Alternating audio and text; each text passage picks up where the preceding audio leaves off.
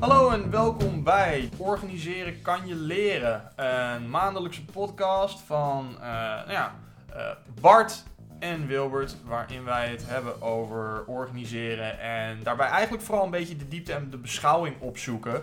eh, over waarom organisaties zijn zoals ze zijn en daar vanuit onze verschillende blikpunten naar kijken.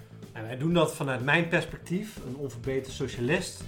En die van Wil, een wat meer rechtse dude, die kijkt naar hoe de zaak een beetje in elkaar zit. En daar vooral heel erg veel over weet. In de tussentijd proeven we ook nog eens aan speciaal biertjes. Dus krijg je daar ook nog het een en ander van te weten. Ehm, ja, we nodigen je van harte uit om even te gaan zitten. Of als je dit in de auto luistert, eh, gewoon lekker door te rijden, maar dan zonder bier. Ehm, en ja, eh, eigenlijk eh, bij ons aan tafel te gaan zitten. Bij ons gesprek hierover. Ja, en als je geïnteresseerd bent in bedrijven of in bier, dan zit je bij ons goed.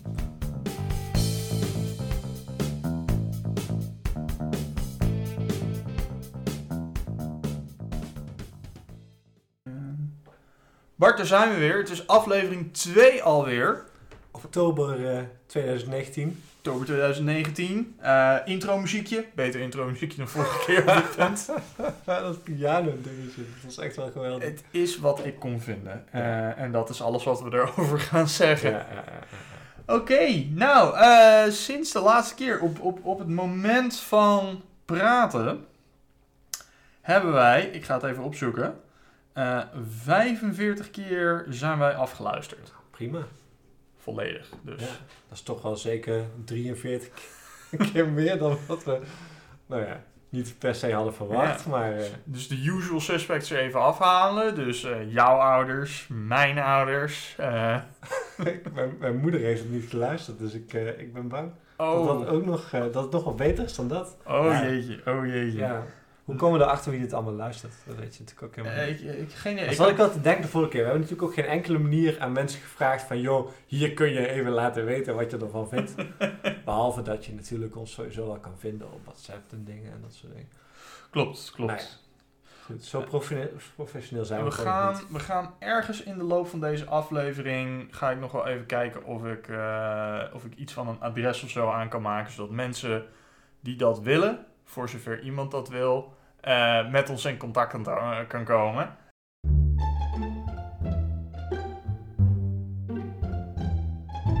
Hey allemaal, dit is Wilbert tijdens de edit van de podcast. Ik heb inmiddels een adres eh, voor jullie gevonden. Willen jullie eh, feedback naar ons gaan sturen? Dat stellen we heel erg op prijs natuurlijk. Je kan ons bereiken op organiseren.pm.me. Dus dat is organiseren.pm.me. Dank jullie wel. En nu weer terug naar de podcast.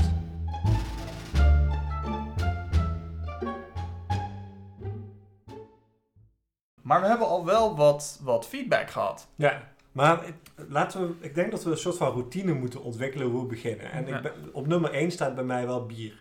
Ja, Dus laten we daar gewoon mee beginnen. En dan nummer 2 feedback, nummer 3... we kijken wel. wat waar, we- waar, waar we het vandaag over gaan hebben. Ja, en eventuele rectificaties. Nee, het is oktober en om de een of andere reden kom jij toch aan met ja, wat ik toch maar kerstbier ga noemen.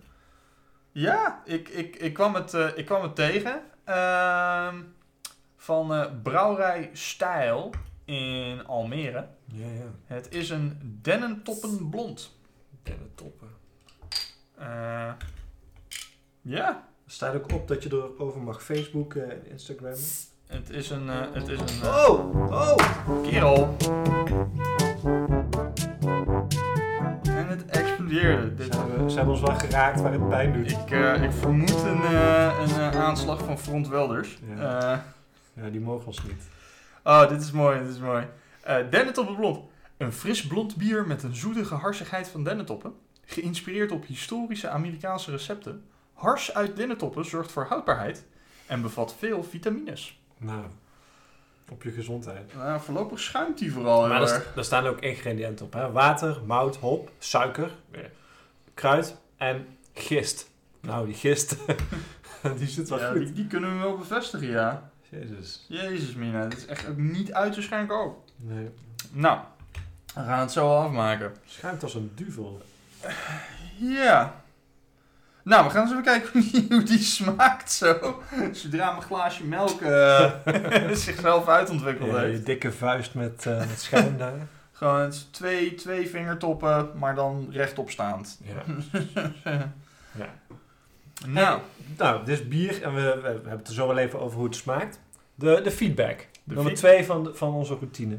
ja. Ehm, ja, ik denk dat we moeten beginnen met, eh, met rood. Daar, ehm, daar werd opgemerkt dat het uit jouw, eh, jouw accent of jouw stemgeluid wel eh, op te maken viel wat je politieke voorkeur eh, heeft. mijn, mijn, perfect, Aardappels dat goed. mijn, mijn perfect beschaafde, algemeen beschaafd Nederlands. Ja, ja maar volledig accentloze uitspraak. ja, voor mensen uit het oosten van het land is dat toch anders. Ja, ja, ja. Iets met, eh, iets met eh, pot die de compleet vlekkeloze roestvestschalen ketel verwijt dat die er zwart uitziet. Ja, ja, ja. maar ja, perspectief. Hè.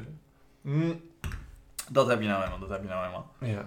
Ehm, hij smaakt... ehm,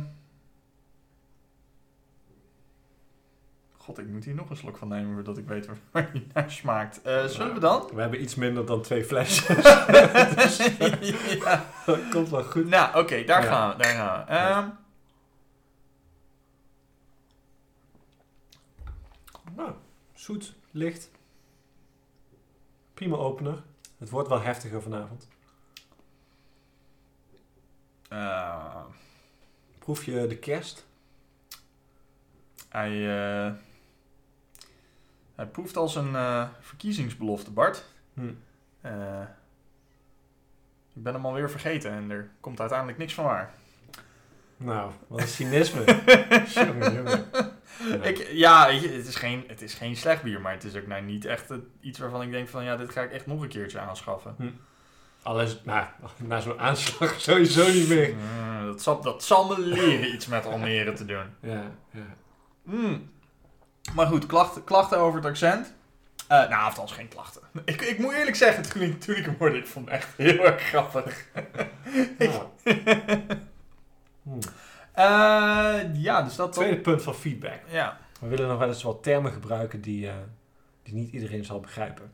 Mm. Gaan we daar wat mee, wat mee doen? Ja, eh, kijk, er is een, er is een ge- gedeelte van mij dat, eh, dat zich wel toe wil geven aan de, aan de kwade impulsen van mijn al dan niet aanwezige accent. En zeggen van, joh, eh, wij gaan helemaal geen enkele knieval doen voor die vieze plebeiers die geen woordenschat hebben.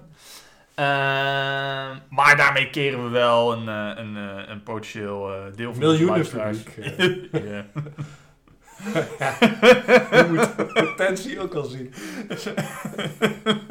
ja, ja. Nee, maar het, nee, maar het is inderdaad een punt. En dat is, dat is, dat is denk ik een beetje ehm, iets waar. ehm, ik, ik weet niet in hoeverre jij daarmee worstelt, maar het is wel iets waar ik mee worstel. Is, ik, ik, ik zit natuurlijk in een, in een, bepaalde, in een bepaalde sector. In, eh, in, in, in, sowieso in IT, maar ook een gedeelte in consultancy. Ehm, waarin je inderdaad een berg jargon gebruikt, waarvan je na een tijdje in zo'n bubbel leeft, waar iedereen wel weet wat dat betekent. Ja. Eh, dus ik denk, ik denk eerlijk eh, in, in, in alle serieusheid dat het wel een goed idee is dat, dat als we een keertje een term voor het eerst gebruiken, eh, dan misschien even kort uitleggen. Ja. Eh, Jargon, oké. Afkortingen zou ik sowieso proberen. Zelfs IT vind ik dan al ik van ja. Nou, dat, dat moet iedereen wel weten. Ja, ja, op zich wel. Maar wat jargon zeker kunnen we wat naar kijken. Maar ik denk tegelijkertijd wel van mensen worden over het algemeen wel heel erg aangesproken als zijnde dat je helemaal niks weet. Ik weet niet. Ook, ook de- deze feedback kwam ook niet van iemand die zei van ik begrijp het niet. Nee, anderen kunnen het wellicht niet begrijpen. Ja. Ik vind dat wel gevaarlijk hoor. Want voor je het weet dan ga je heel erg alles wat, toch wat versimpelen en daarmee... Ja, maar dat, dat, dat is iets anders. Hè? Want ik ben het met je eens. Ja. Ik, wil, ik wil absoluut niet een eh gesprekken gaan proberen te voeren in Jip en Janneke taal. Want dan zijn we eerlijk gezegd meer bezig met zoeken naar de juiste woorden dan dat wij gewoon een normaal gesprek kunnen voeren. Ja. Eh, maar als wij, als wij een bepaalde term noemen, gewoon even kort. Van joh, eh, hè, als, van oh, dit, dit, dit, dit is wat die term betekent. Ja, laten we eens kijken hoe, of we het kunnen, kunnen gebruiken. Ja. Had jij verder nog feedback eh, gekregen? Ehm, Nee, nee. Nou, althans wel, wel, wel te horen gekregen van mensen dat ze naar geluisterd hebben en dat het wel plezant was om, om mee te luisteren. Eh, wat, wat mij eerlijk gezegd verbaast, want het is wel, het is wel meer dan anderhalf uur aan podcast die we, die we gewoon in één keer over de boeg gegooid hebben. Ja. Eh, met relatief weinig editing. Ja. Ehm, ja, heb je veel moeten editen? Eh, Nou, dat, dat was het ding. Ik begon daar dus vol goede moed aan. En ik heb, ik heb wel een beetje lopen sleutelen eraan. Maar op een bepaald moment was ik echt met schaamrood aan, aan, op, op mijn kaken aan het luisteren. dacht ik van, nou... Wat ik mijn klanten altijd vertel is, als je je niet een beetje schaamt voor de eerste versie, dan heb je er veel te veel werk aan verricht. ja.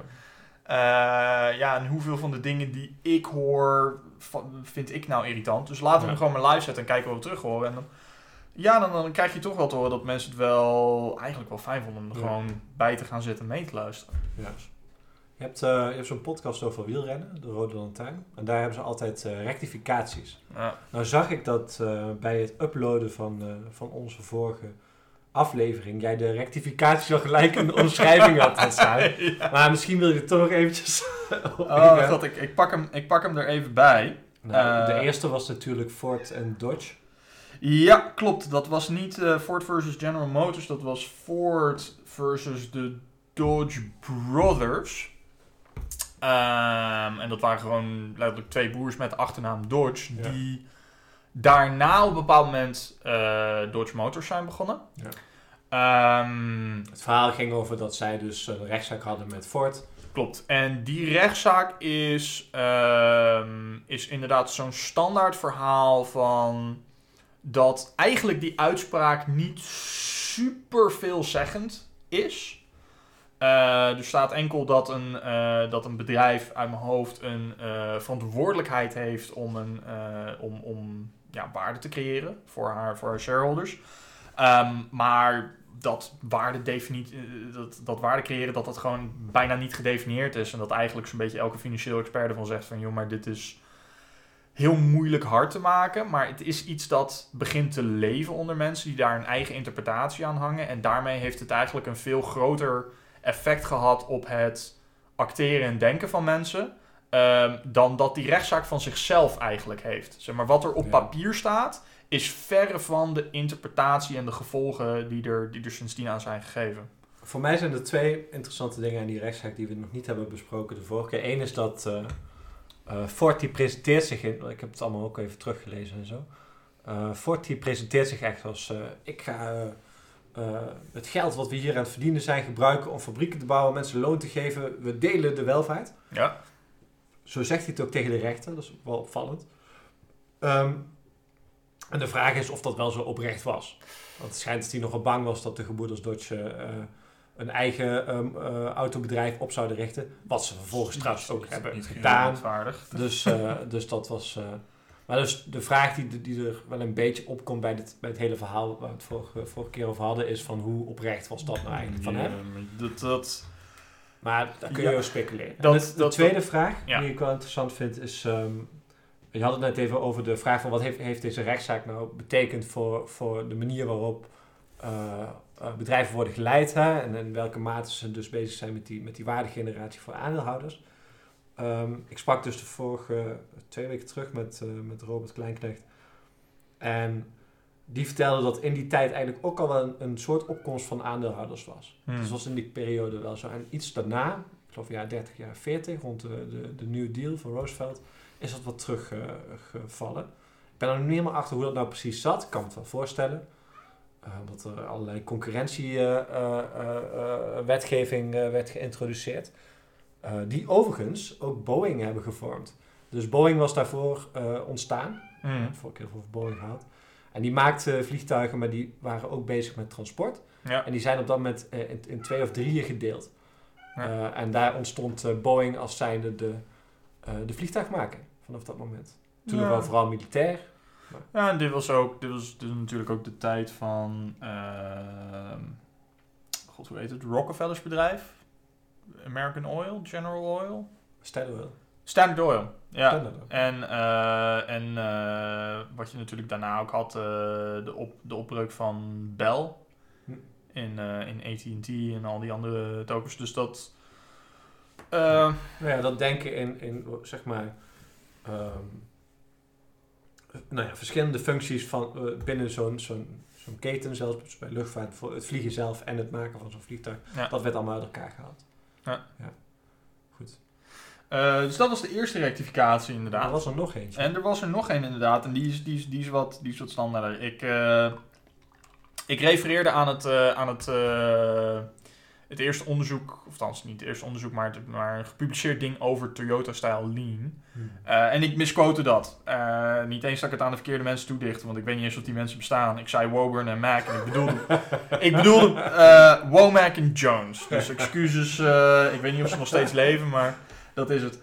Ehm, daar kregen we wel interessante feedback op over het stukje over Lean. ehm, dat de, voor wat betreft Lean de wens de vader van de gedachte is.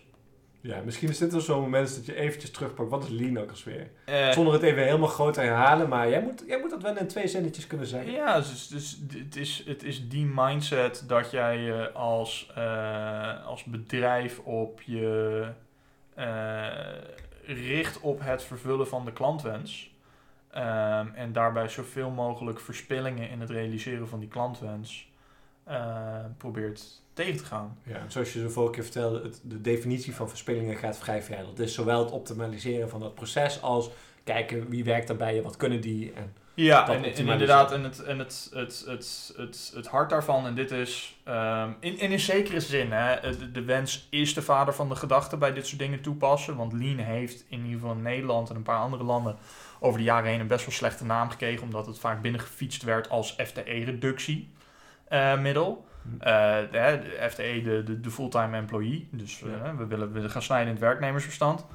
Ehm, en het interessante is, ga, ga, je, ga, je, ga je echt kijken naar Lean, dan wordt er wel over mensen gesproken, maar veel meer in termen van joh, eh, een verspilling is een verspilling van talent. Zeg maar, je, je, je menselijk kapitaal is je gigantisch goed als bedrijf. En dit zijn mensen die continu met verbeteringen kunnen komen en die zich willen gaan bekommeren om de klant. Dus ehm, ja, dat dat in een, bepaalde, eh, in een bepaalde implementatie helemaal verkeerde kant op gaat, absoluut. Maar kijk je echt naar de origine en lees je, eh, lees je het werk van, eh, van inderdaad de, twee heren die er het eerst over gepubliceerd hebben. Ehm, ook dingen van John Shook, die, die veel gepubliceerd heeft over wat hij tegen is gekomen bij Toyota Denken. Nou, ken ik zelf daar ook een paar mensen.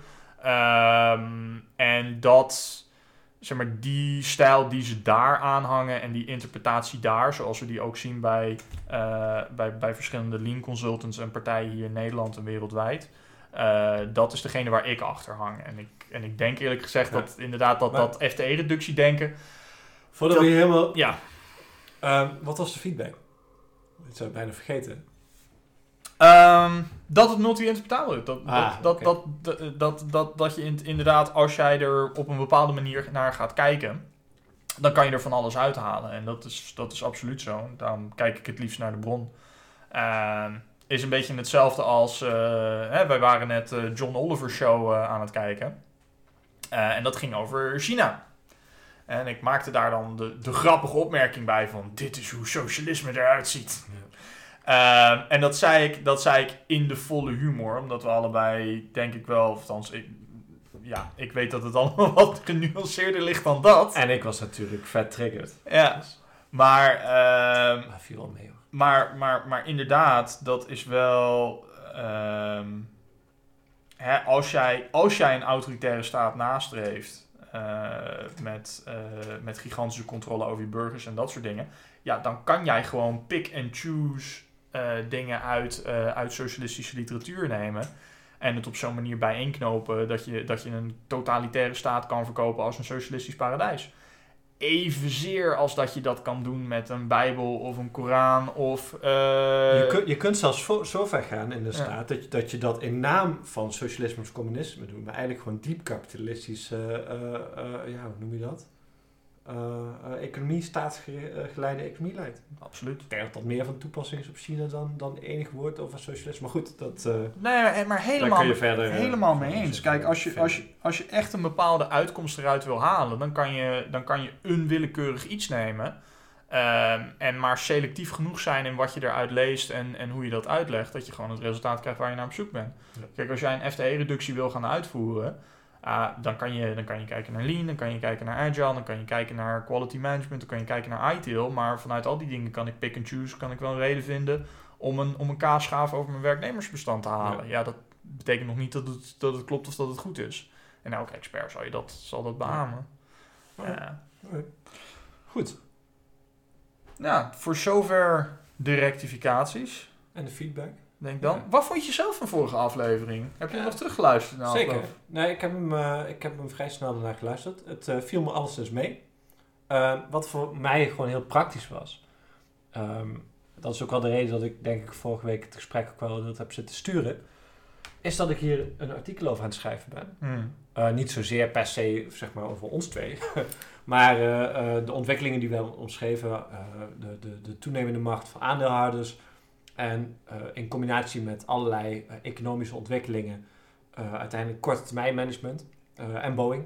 Hmm. Wat, omdat dat een mooie, nou, toevallig ook ongeveer 100 jaar geleden opgericht. En ehm, pakt eigenlijk die, in die hele periode telkens die trends ook wel mee. Uiteraard vertraagd, want dat denken duurt een tijd. En dan op een gegeven moment al die institutionele veranderingen duren een tijd. Maar het is wel heel mooi om daarin te omschrijven van waar het nou precies mis is gegaan. En het is nou hartstikke... Dus toen ik het aan het terugluisteren was, toen heb ik allemaal dingen weer naast zitten kijken en naast zitten zoeken. En eh, dat was heel praktisch. Ja. Heel fijn. Dus dat is leuk. ja, ik weet nog dat wij, dat wij eh, over en weer nogal wat bronvermeldingen eh, Ja, dat aan het sturen waren. En dat was, eh, nee, maar dat is altijd leuk, weet je. Dat, dat is altijd, eh, dan heb je een goed gesprek gehad. Ja, ja dus eh, ik kan me voorstellen dat het vandaag wat chaotischer wordt. Omdat we wat minder op één eh, zaak zullen sturen. Maar wie weet waar we uitkomen. Eh, we gaan een beetje kijken Precies. wat er gebeurt. Oké, nou voor zover dan de, de rectificatie en terugblik. En dan eh, na, na, na een kort eh, deuntje wat we nog uit gaan vinden, komen we terug met eh, de aflevering proper.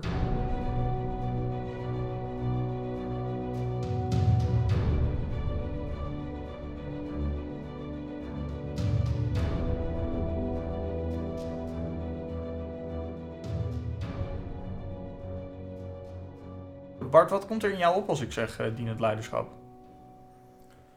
Toen ik, eh, ik heb, er stond laatst een artikel over in NRC, over eh, dienend leiderschap. En dat ging er een beetje over van dat je als leider dus vooral mensen zo- goed mogelijk op hun plek moet zetten. En zorgen dat ze de dingen die zij moeten doen, of die ze willen doen, of wat dan ook ertussenin zit, eh, zo goed mogelijk kunnen doen. Ehm, waar ik als eerste aan dacht, maar ik weet niet of dat nou het beste begin is, is de vraag van, is dienend leiderschap nou iets wat je continu moet doen? Of zijn, is het een combinatie met andere soorten leiderschap? Ik kan me namelijk voorstellen dat dienend leiderschap best praktisch is als alles eh, duidelijk is. Iedereen weet welke kant je op moet. Maar dat het niet de beste stijl is op het moment dat je nog moet bepalen welke kant het allemaal op moet. En ieder, alle neuzen nog eh, de juiste kant op moet. Dus dat is, een, dat, is een, dat is een hele interessante, want je, je ziet inderdaad dat je, eh, dat je dan best wel het eigenlijk nauw benadert. Ehm, ik begin doorgaans een, een beetje, beetje breder dan dat eh, eigenlijk. Van je, van je, hoe definieer je jezelf nou? En hoe definieer je nou succes voor jezelf? En ik denk wat kenmerkend is aan dienend leiders die ik tegenkom, zelfs de mensen die af en toe best wel ehm, ja, richtinggevend erin zetten, zullen we maar zeggen, is dit zijn mensen die hun succes definiëren aan het succes van anderen. En het is dus een oud cliché van, joh, wij zorgen voor onze medewerkers zodat zij kunnen zorgen voor onze klanten. Maar in zekere zin is dat wel waar dienend leiderschap begint. Dus dat je zegt van, joh, ik ga mijn eigen succes, ehm, laat ik eigenlijk bepalen door het succes van anderen. Dus dat hoe, hoe meer ik mijn medewerkers zie groeien en hoe meer ik hun eigenaarschap zie nemen ehm, en, eh, en initiatief zie nemen en verantwoordelijkheid zie nemen, ehm, des te beter doe ik het eigenlijk omdat ik die omgeving aan het creëren ben. En daar zit inderdaad ook soms gewoon een stukje bij van, joh, dit is, dit is waar ik in geloof met mijn bedrijf. En ik zoek mensen die daarbij komen, maar omdat die mensen geloven waar jij in gelooft en diezelfde kant uit willen, ga je vervolgens zeggen van, en dan ga ik het hun gewoon zo makkelijk mogelijk maken. Eh, en zoveel mogelijk inspireren en begeleiden om heel succesvol te worden. Eh, want daar haal ik weer mijn eigen energie uit. Hm. Ehm, en soms is dat eh, heel erg afzijdig zijn of heel veel ruimte creëren. Soms is dat ook gewoon echt interveneren. Als je merkt van joh, iemand is echt aan het, eh, aan het worstelen nu met dingen. dat je, dat je echt met hem mee gaat lopen, dat je, hem, dat je hem weer op het juiste pad zet, maar ook daar weer op een bepaald moment een stap terugneemt, omdat ja, ook daar weer, ja, het, het, het, het gaat erom dat die anderen groeien en dat dat op zijn beurt weer het bedrijf laat groeien. Ja, maar wederom, het gaat er dus wel vanuit dat iedereen dezelfde kant op wil.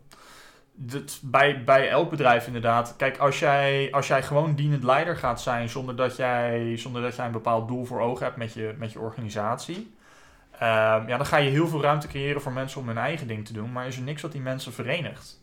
Dus dan krijg je bijna gegarandeerd chaos. En dat is ook niet fijn. Dus een int- interessant boekje over, een van de meest interessante boeken die ik hierover gelezen heb, is ehm, eh, Turn the Ship Around van David Marquette.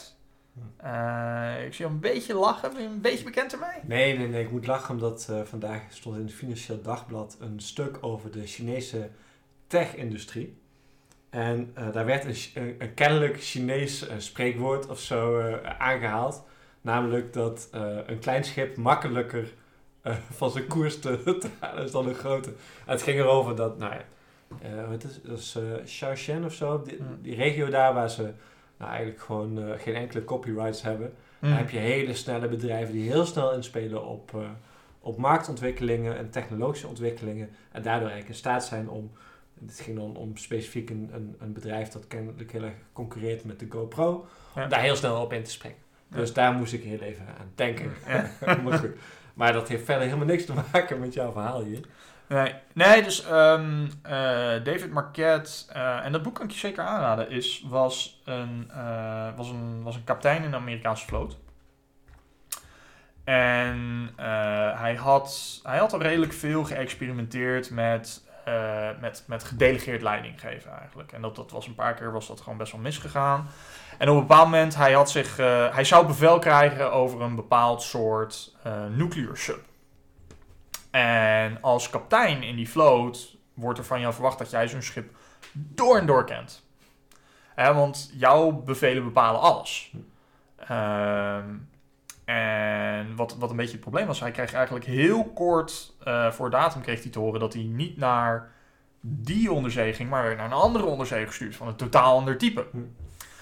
Eh, en dat was een van de slechts performende onderzeeërs uit die vloot. Ehm, en daar liep hij al heel snel tegen, tegen een probleem aan. Namelijk, hè, die, die, die bemanning die was gewoon gewend om bevelen op te voeren. Alleen hij was helemaal niet ingelezen op dat schip. Dus hij gaf gewoon bevelen die niet uitvoerbaar waren. Eh, en omdat iedereen gewoon zegt, ja meneer, tuurlijk meneer, gaan we doen meneer. ehm, was, dat, was dat een issue. Ja. Los van dat het gewoon niet lekker ging met dat schip. Dus wat hij toen gedaan heeft, is hij heeft bijna alle autoriteit eigenlijk bewust weggegeven. Hij zei van, ik ga geen bevelen meer geven, los van bevelen die te maken hebben met, eh, met ah, mensenlevens. Hè? Dus, dus lanceren van een torpedo of Ja. van een raket of, of dat soort dingen. Want hè, zijn uitleg is van, joh, ik wil dat op niemand zijn geweten, behalve, mijn, eh, behalve het mijne. Maar al het andere gaf hij geen, eh, gaf hij geen bevelen meer eh, voor, maar meer dat hij, eh, dat hij een bepaalde richting uitsprak. Eh, dus in, in, plaats, in plaats van dat mensen dat hij het bevel gaf van joh, we gaan nu, we gaan nu afmeren. Dus, dus alle power cables weghalen, anker ophalen, dat soort dingen. Ehm, ging hij meer zijn, zijn intent uitspreken van zullen we eens een keer gaan, gaan vertrekken. Overtuig me ervan dat we kunnen gaan vertrekken. En dus, ehm, dus, dus was hij langzaam maar zeker zijn bemanning aan het opleiden om veel breder te denken eigenlijk dan hun eigen functies. Dus in plaats van dat ze overal toestemming voor gingen vragen, ging hij dat een beetje omdraaien en spraken zij hun intenties uit naar hem en checkte hij enkel van joh, houden zij rekening met de dingen waarvan ik hoop dat ze rekening houden. Ehm, en dit is heel kort samengevat en krijg je zeker aan het boek een keer te leren. Maar na verloop van tijd ging dat heel erg doorebben in die hele onderzeeboot. Tot het moment waarop zeg maar iemand die filters aan het vervangen was. Gewoon in de engine room, helemaal niks te maken met waar het schip was, op dat soort manieren. Die wist wat er aan de hand was in het schip. Omdat het aan hem zelf te bepalen was van, joh, ga ik ze nu vervangen en wat geluid maken? Of, eh, of, of, laten we, of, of zijn we op dit moment in vijandelijke wateren en moeten we nog eventjes stilletjes door blijven stomen? Ja. Nee, dit klinkt heel erg, heel erg cool, maar denk je niet dat dit misschien gedachte die bij mij even eh, snel opkomt. Hè? Het is een militaire context. Ja.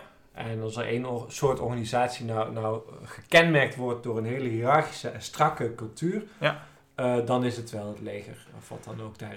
Dus een correctie daarop, in wat voor vorm, is al snel winst. Ja. In zekere zin. Ja. Eh, en dit, kijk, het, het, het, het verder ehm, het delegeren van verantwoordelijkheid is eh, algemeen vaak eh, Ja, interessant. het, is, het, is, het is meer dan alleen het. Het is echt het aanmoedigen van, ehm, van denken. Ja. En wat het interessante is, want ik kwam datzelfde tegen bij mijn huidige werkgever, wat, wat, wat best wel een cultuurshock was toen ik daar begon.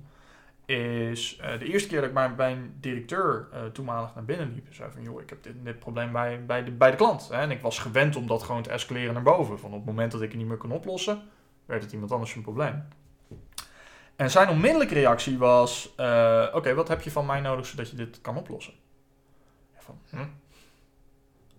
Nou, ik wil dat je dit doet. Ja, oké, dat kan ik wel voor je doen, maar dan gebeuren er de volgende dingen. Dus, dus, de, dus de eerste keer nam hij me echt een beetje mee in dat denkproces. Maar als dat je standaard actie eigenlijk is, hè, als jij, en ik, ik, zeg dat altijd een beetje gekscherend, van je probeert op hele productieve wijze lui te zijn.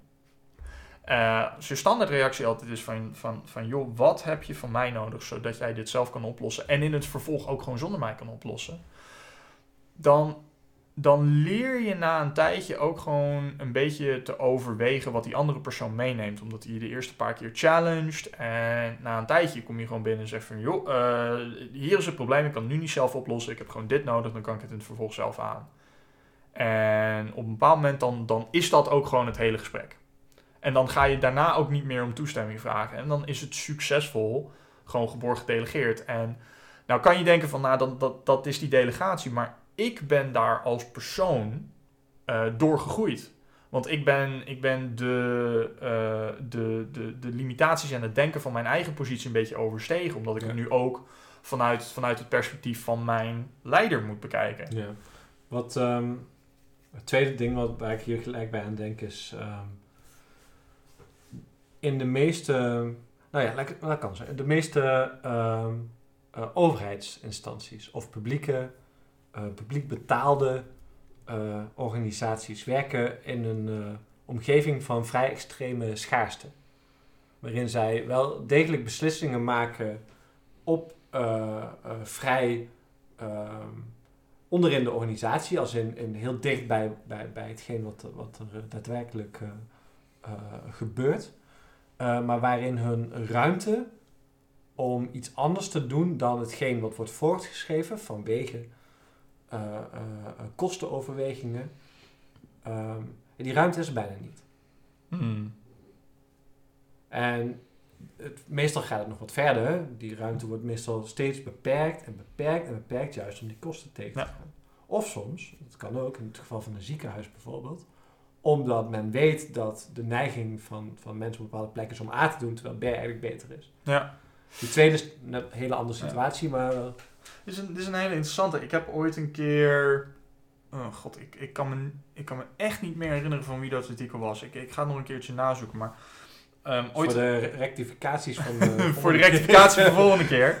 Ehm, ik heb ook een- ooit een keer een heel interessant artikel eh, gelezen dat, eh, dat beargumenteerde dat de, eh, dat, dat, dat de meeste organisatievormen voorkomen uit een, uit een bepaald paradigma.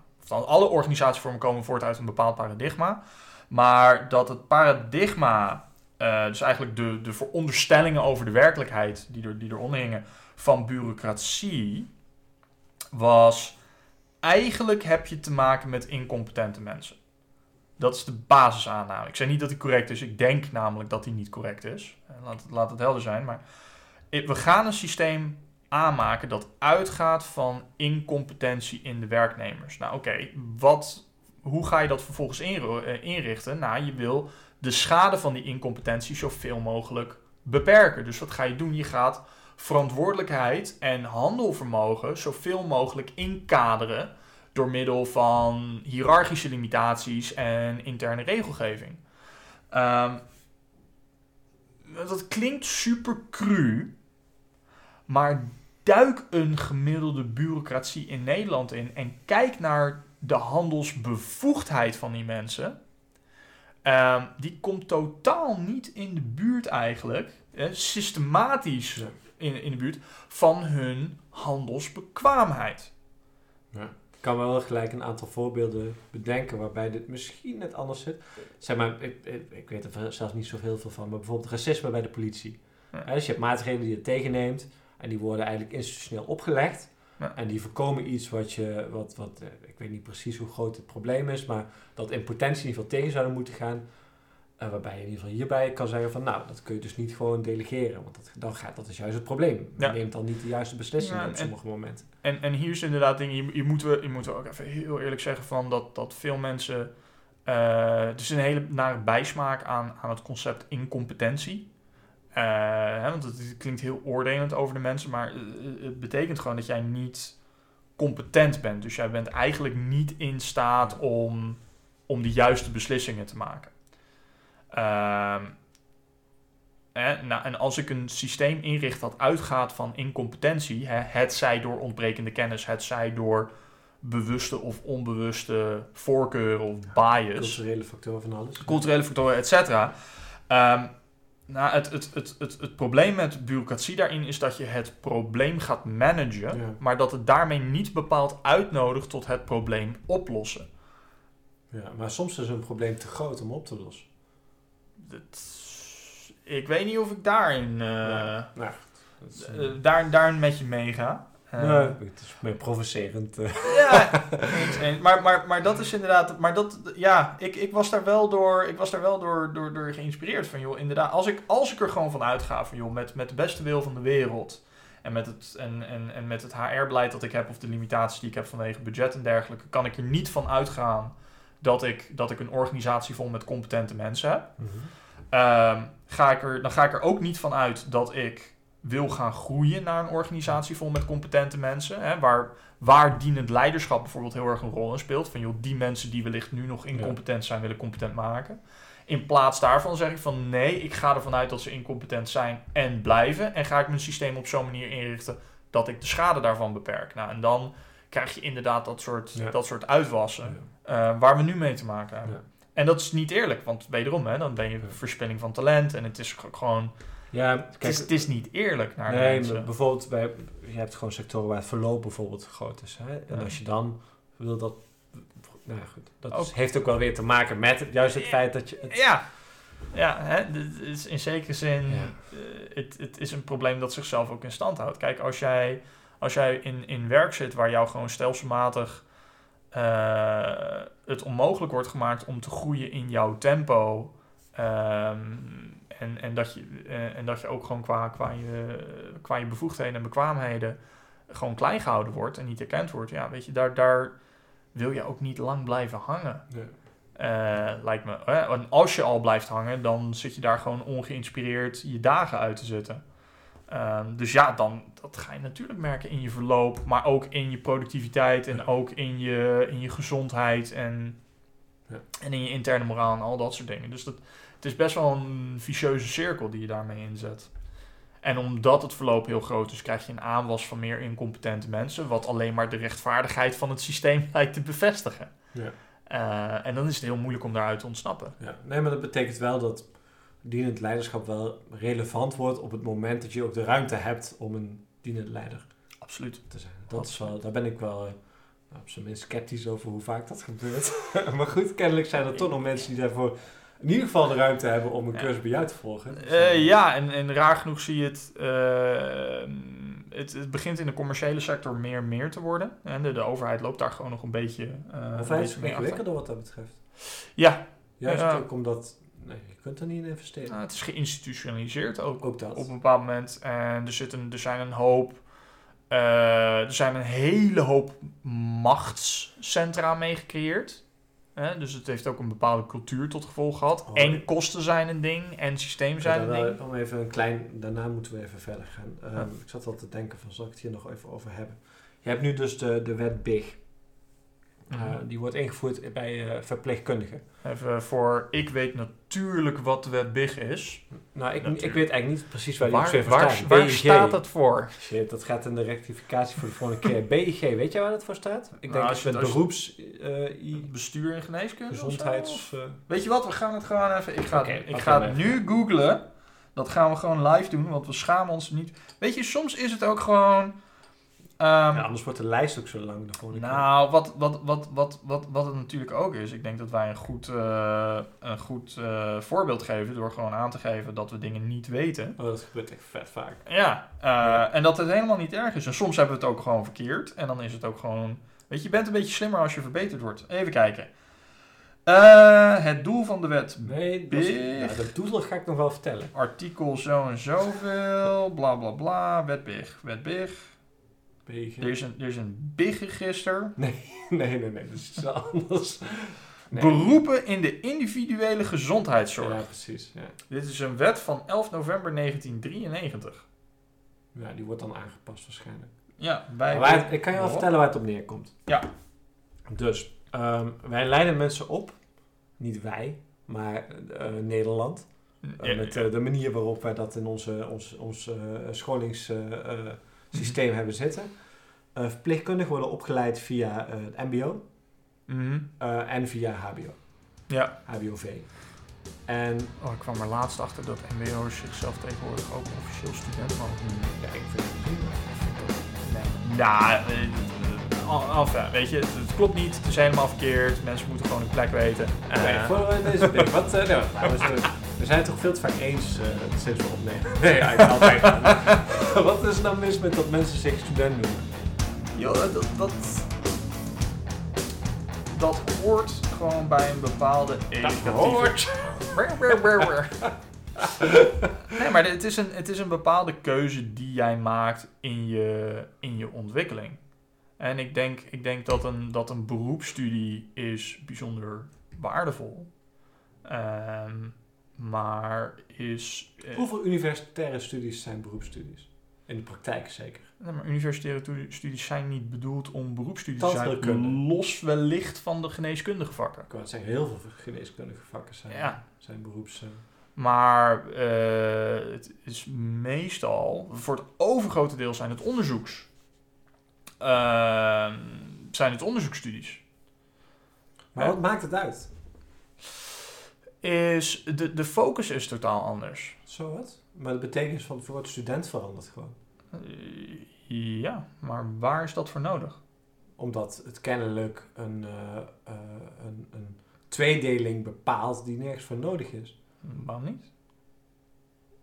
Omdat het prima is. Er zijn, er, zijn, er zijn mensen die het doen en er zijn mensen die vooral vragen stellen over waarom we het doen en waarom we het op die manier doen. Ja, maar dat is nu dus al niet zo. Want anders dan zouden dus al die, eh, die eh, bijvoorbeeld verpleegkundige opleidingen allemaal ook geen, eh, eh, geen universitaire opleidingen zijn. Of Nou, student. er, zit, er zit daar absoluut een tweedeling in. In, eh, in. in de artsen die echt het onderzoek ingaan en de artsen die echt de praktijk ingaan. Ja, maar die doen dus wel dezelfde opleiding. Eh, ja, tuurlijk, omdat er een, omdat er een En hele stevige theoretische. Ja, basiskennis ook achter. praktijkgericht. Tuurlijk. Maar omdat je, je- omdat je je vakgebied moet schappen. Maar een, eh, een IT-onderzoeker ehm, die, ehm, die echt zijn studie richt op, eh, op, op de potentiële mogelijkheden die het veld ons biedt ten opzichte van iemand die vooral kijkt naar de praktische implementatie ervan. Dat zijn gewoon twee totaal andere routes. Ja, maar mijn dit- punt is een beetje dat ik, ik denk dat voor, voor 80% van de mensen die universitair zijn opgeleid, geldt dat zij uiteindelijk toch vooral geïnteresseerd zijn en zich uiteindelijk ook eh, gaan verdiepen in de praktische kant. Ja, klopt. En dat En werkt. daar is absoluut, daar, daar, is, daar is een HBO uitermate geschikt voor. Ja, en natuurlijk, en daar, en daar zit wat meer een kwaliteitsoordeel in. En dat zie je ook gewoon in de kwaliteit van universitair onderzoek. eh, en universitair onderwijs in Nederland. Ik heb trouwens, ik heb een, eh, Maar- ik, maar- heb, ik heb zowel een universitair als een HBO. Hè? En mijn HBO heet eh, Bachelor of Applied Science. Ja, Ja. daar, Goed. daar gaat hij al. Maar dan En- ben ik misschien wel gewoon student of Applied Science geweest op dat moment. En dat vind ik prima. Ja, misschien wel, Maar goed. Het, eh, la- laat ik het zo zeggen. Wat, wij, wat ik in ieder geval heel erg in mijn masterjaren tegenkwam, is we hadden veel zij-instromers vanuit, vanuit HBO die dan, die dan toch een universitaire master proberen te volgen met, met, met, een, met een overgangsjaar. Al die HBO's die erbij komen. Ja, ik weet vieze plebs. Ehm, maar, wat je daar, maar wat je daar vooral in zag is, ehm, is een, een, een goede universitaire studie die kweekt een bepaalde mate van sceptisch aan. Hè, dus de manier waarop, waarop werk, nou ben ik hem even heel makkelijk aan het trekken, maar dit, Ja. is, dit, is, dit is terug naar mijn, naar mijn eigen verleden. De manier waarop dingen aan je gepresenteerd waren daar, is van joh, hier zijn een aantal theorieën die hierover gaan. Nee, Doe daar onderzoek maar- naar, trek daar je eigen conclusies uit. Terwijl wat je ziet vanuit, vanuit een HBO en zeker vanuit een MBO-achtergrond is: dit is de geldende theorie en dit klopt. Ja, maar, maar ja, daar, het is een beetje anekdotisch, maar ik kan er wel tegenin brengen, brengen dat ik een hele hoop academici ken die het minst sceptisch zijn ooit, waarvan niet, eh, niet, niet weinig van mijn docenten bij politicologie, toch best een aardige opleiding. En dat, nou misschien is het ook wel omdat ik als SP'er natuurlijk eh, erg veel sceptische MBO's tegenkom, maar ze zijn er zeker. En erg veel. Dus ik vind dat ook, ook ingewikkelde... Ik denk, zeg maar, eh, het klinkt toch een beetje als, als de theorie van hoe het zou moeten zijn of zo. Ja. Maar, maar in de praktijk is dat gewoon... way. Eens, eens. En, ik, en, en mij lijkt het dan juist dat we, dat we terug moeten gaan naar de redenen waarom we verschillende vormen van onderwijs hebben, die allemaal waardevol zijn. Eh, maar dat we daar wel in herkennen dat die gewoon verschillende richtingen en verschillende soorten mensen aantrekken. En ook verschillende doelen dienen. Ja, ik, ik ben dus een beetje... Waar ik sceptisch over ben, is, is gewoon de maatschappelijke gevolgen daarvan. Dus de student versus de scholier. Of wie dus ook op een manier wordt gesproken van, van, van oh, je gaat naar school. Eh, terwijl die in principe... Ja, wat is daar, Net mis, zo. wat is daar mis mee? Nee, het, het gaat om de sociale dynamiek die daar om, omheen ontstaat. Nou, En ik zie er dan niet zoveel problemen mee om dat gewoon allemaal studenten te noemen. Waarom niet? Maar goed, dat is een, eh, een meningsverschil. Ja, daar, daarmee zijn we. Eh, en, en, en ook daar weer. En dan komen we een beetje op hetzelfde punt als, als gebruik van het woord incompetentie en, en al dat, soort dingen. Nee, dat is hetzelfde. Weet je, er, er, er, er zat ook. Er, ehm, er zat ook. een- Er zat ooit een bepaalde betekenis achter wat het betekende om een student te Ja, zijn. precies. Nee, maar wel, het- want ik had een tijdje terug had ik een, een, een discussie met een maat van mij over de vraag wat het nou betekent om moslim te zijn. Hè, wat is daar nou de basisconceptie van? En zijn punt was van nou, dat staat heel erg vast. Dan moet je in ieder geval in dit geloven of in dit geloven. En mijn punt was van joh, ehm, eh, eh, namen en eh, kwalificaties voor iets hebben altijd een sociale eh, eh, context waarin ze die betekenis hebben. En die, dat kan veranderen. Dus het zou kunnen dat iemand zich moslim voelt, eh, omdat, of, en ook als moslim identificeert, ook al gelooft hij niet in, in, in, in de islam, maar eh, om culturele redenen of om wat voor redenen dan ook. En dan kun je zeggen, nou, vanuit mijn eh, analytische eh, beschouwing van de maatschappij vind ik dat geen moslim. Maar je kunt niet tegen hem zeggen van, jij bent geen moslim. Man niet. Omdat, nou ja, dan zal diegene zeggen, prima, maar ik vind mezelf wel een moslim. En dan heb je geen ander verweer van, dat vind ik niet. Maar dit daar- en dit. da- daarom, daarom, is het, daarom is het juist belangrijk in, in, in mijn optiek dat, dat er gewoon een geldende definitie bestaat voor wat het betekent Maar om... die zijn er dus gewoon niet. Natuurlijk wel. Die Nee. kan je maken. Ja, die kun je voor jezelf maken, maar je kunt hem niet aan iemand anders opleggen. Dat is eigenlijk mijn punt. Je kunt niet iemand anders eh, verbieden om zijn eigen definitie, of een, een definitie door een groep, of, om de definitie in de tijd te veranderen. Oké, ga, ik, ga ik hem even slippery slope, hè? Want het, Ja. nodigt uit... Oké. Ehm, eh, ik, eh, ik, ik vind mezelf nu Aziatisch, Bart. Ja, maar ik, ik zeg niet dat het niet eh, in zeer, zeer, zeer veel gevallen volkomen belachelijk zal uitvallen. Ja, maar dat, dat is het ding. We moeten ergens... Maar als jij dat, als jij dat over jezelf eh, wil gaan zeggen, prima. Ik ben benieuwd hoe je het gaat verdedigen. Eh, ik, Ja, maar dat, maar dat is het ding, hè. Door, door, door dat eigenlijk gewoon los te geven. Door te zeggen van, joh, er bestaat geen objectieve werkelijkheid. En Nee, het dat is, is iets het anders is, dan het is volledig subjectief. Nee, dat is ook niet wat ik zeg. Nee, ik zeg niet dat, er dat dat volledig subjectief is. Ik zeg alleen dat de betekenis van een woord kan veranderen. En dat de sociale context bepaalt wat het uiteindelijk zal, zal, zal zijn in de maatschappij. Maar die ontwikkeling eh, en veranderingen, dus kun je niet tegengaan vanuit een soort van objectiviteit. En dat is, dat is waarom we wetenschap hebben, juist om die objectiviteit te geven. Ja, Dit- precies. precies. Maar wetenschappelijke... Dit, dit is wat een christen is, dit is wat een moslim is en dit is dus wat die dingen niet zijn. Maar ook in die tijd bijvoorbeeld. Dus, dus een christen is in de ene tijd iets heel anders dan in een andere tijd. Dat verandert. Dus die context is daarvoor ook belangrijk. Om even iets ehm, te noemen wat ik erg interessant vond. ehm, ehm, we hadden het vorige keer over het onderzoek van die eh, Robert Kleinknecht. En daar, daarin haalt hij bijvoorbeeld aan hoe verschillende institutionele investeerders omgaan met bepaalde bedrijven.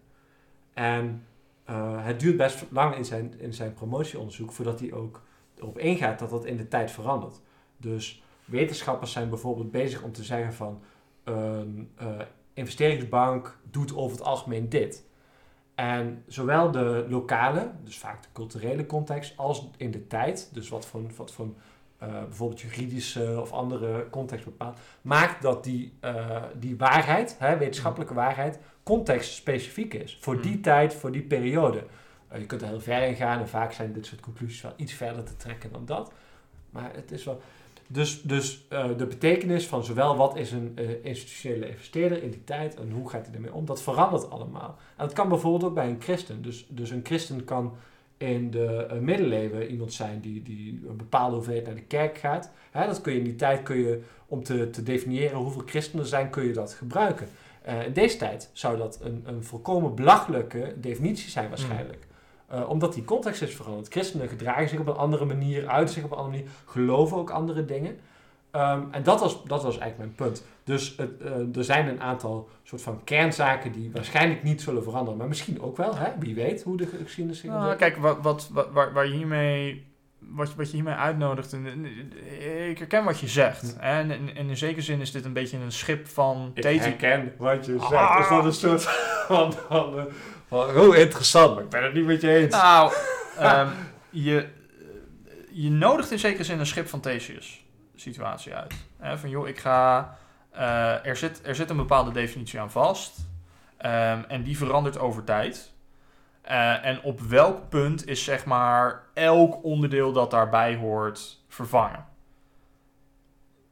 Ehm, dus dus, dus als, ik, als ik een christen uit de middeleeuwen heb en ik, en ik heb daar een bepaalde set kenmerken bij, eh, hoeveel van die kenmerken kan ik vervangen eh, wanneer ik zeg maar elke vorm van connectie tussen die ene en die ander kwijt ben? Dus op het moment dat we zeg maar dat, dat alle kenmerken, dat zeg maar de, de christen van de middeleeuwen en de christen van nu niks meer gemeen hebben met elkaar, is het, is het dan nog steeds een christen te noemen? Of is er is het, of is het juist een kwestie dat er een soort van, van, van, van kernpunt in zit waar allemaal practices omheen kunnen, veranderen, eh, kunnen zitten die veranderen over tijd, maar dat er nog wel één centraal onderdeel is. Dus Ja. dat we van een christen bijvoorbeeld kunnen zeggen van joh, wat een christen definieert, los van alle dingen die er omheen zitten, is een geloof dat wat er in de Bijbel staat grotendeels waar is, dan wel letterlijk, dan wel metaforisch, en dat er een God is.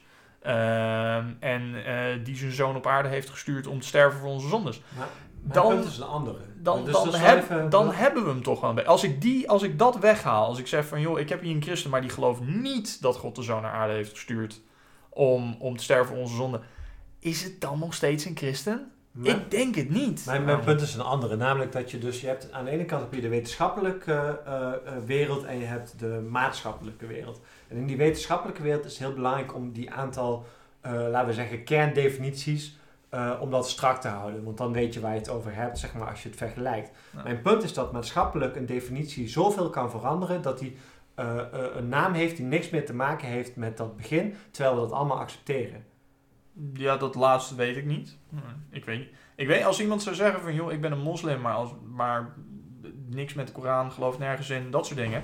Zeg ik van, nou weet je, misschien dat jij tot een bepaalde eh, groep behoort qua, qua, qua gewoontes of qua afkomst die daarmee te maken hebben. Maar ik weet niet of jij, eh, ik weet niet of ik jou een moslim zou kunnen noemen. Los van hoe je jezelf daarin identificeert. Maar ik denk dat dat dan gewoon niet klopt. En dat, en dat mag best wel gezegd worden dan.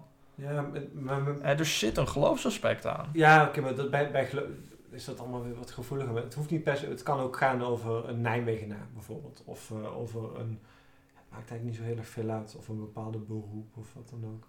Je gebruikt een woord, het betekent alleen iets anders. Dat is eigenlijk mijn punt. En dat verandert door de tijd. Ehm, maar goed. Ja. Wordt het misschien ook wel een beetje semantisch. Oké, we zijn een beetje afgedaald. Ja, Eh, wij ik- gaan even nieuw bier Ja, halen. nodig. Ehm, na de pauze gaan we weer terug naar waar we gebleven Waar, waar vielen we ook alweer van? Ja, we gingen bij, de, bij Big. Gingen we, we gingen bij Big. Eh, we gaan Ja. na de pauze gaan we weer door over Big en dienend leiderschap. Top. Tot zo.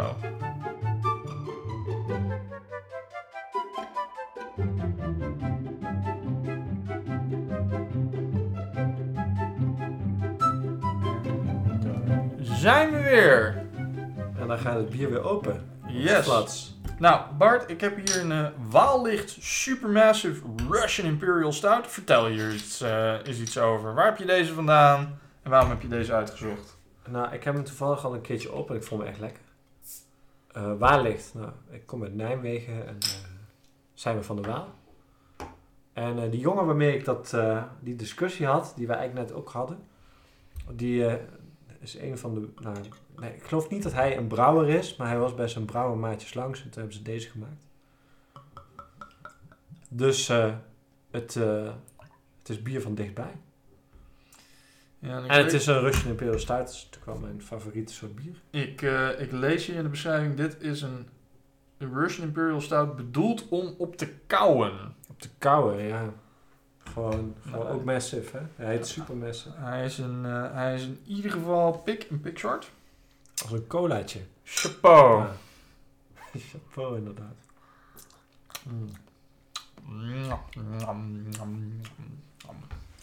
Over chapeau gesproken. We hadden het natuurlijk de vorige keer over eh, de Trosh Banana Chapeau. En voor ons is het natuurlijk heel duidelijk waar het over gaat. Ja. Eh, en we hebben wel gezegd dat het een fruitig biertje was. Maar we, ik weet niet of we duidelijk genoeg gemaakt hebben dat je je moet voorstellen dat je een, eh, een, een, een snoep banaantje, dat je die drinkt. Ja, het is, het, het, het is moeilijk onder woorden te brengen hoe niet naar bier een Trosjepo banaan eh, smaakt. En, en een beetje de geschiedenis daarachter is, eh, ik geloof wij, wij, wij waren ooit bij, bij het glorieuze Café België in Utrecht. En ik geloof dat wij echt om het meest ridicuul slechte biertje vroegen. Het was, het was zo'n avond. En, en mijn god, dat kregen we. Eh, Het- het heeft ook zo'n geweldige naam. het, is een, het is een ervaring. En nu nog, als we er langskomen, vragen we er altijd om eentje. Ze hebben hem, ze hebben hem niet altijd in voorraad. Maar eh, eh, de blik die wij krijgen. Wat vind je trouwens hiervan? Ehm, ik moet eerlijk zeggen, ik ben normaal niet zo'n eh, niet zo'n superstout eh, drinker. Nee, dat weet ik. Los van, eh, los van een goede Guinness. Ondanks dat maakt dat mij het algemeen niet zoveel uit als ik bier meeneem. en, dat, en, dat, en dat respecteer je natuurlijk ook heel erg. Dus ik moet eerlijk zeggen, ik heb de laatste paar keer heb ik IPA's gemeden. Ja. Omdat ik weet dat jij niet zo'n IPA-fan bent. Maar voor de volgende keer, jongen. Ja, Oh ja, mijn god, dan gaat het echt... Echt, echt, dan bereid ik me helemaal voor. Ik laat een baard staan. Ik, eh, ik, ik, Maar het ding is gewoon, die, die Ik maak ook zo-. Zo'n zo, zo'n topnot. Ik doe een veel te, veel te strakke broek aan. Ja. En zo'n lumberjack shirt. Ja. Ja, dat wordt wat. En ik haal een V-pen de man. En dan gaan we aan de IPA's. Shit. Nou, Oh. Maar dit, dit, dit is best wel, eh, dat is best wel goed te doen. Eh, oké. Goed genoeg. maar ja. Zolang het maar prettig is. Ja, zeker. zeker. Als, het echt, eh, als het echt ranzig was, zou ik het niet drinken. Nee. Wat, wat is nou eerlijk gezegd, want... Weet je, Trosjepo smaakt totaal niet naar bier, maar is op zich nog wel te drinken. Ehm, dus heb jij ooit een biertje gehad dat je gewoon echt niet Ja, kon ja, ja, afmaken? Ja, ik was ooit in, eh, in een kroeg. Volgens mij heet die ehm, Café Diamant. In eh, Haarlem. Het schijnt de stamkroeg te zijn van Giel Belen. Ik weet niet wie dat is. Nee, maar dat is een sponsor. Van- Oh, potentiële sponsor. ja, ja. dus... eh ja. ja. Cursus Giel, volgende aflevering. Ja. ja, kijk maar, anders belt hij. Dus, eh, ja, en daar hadden ze rookbier.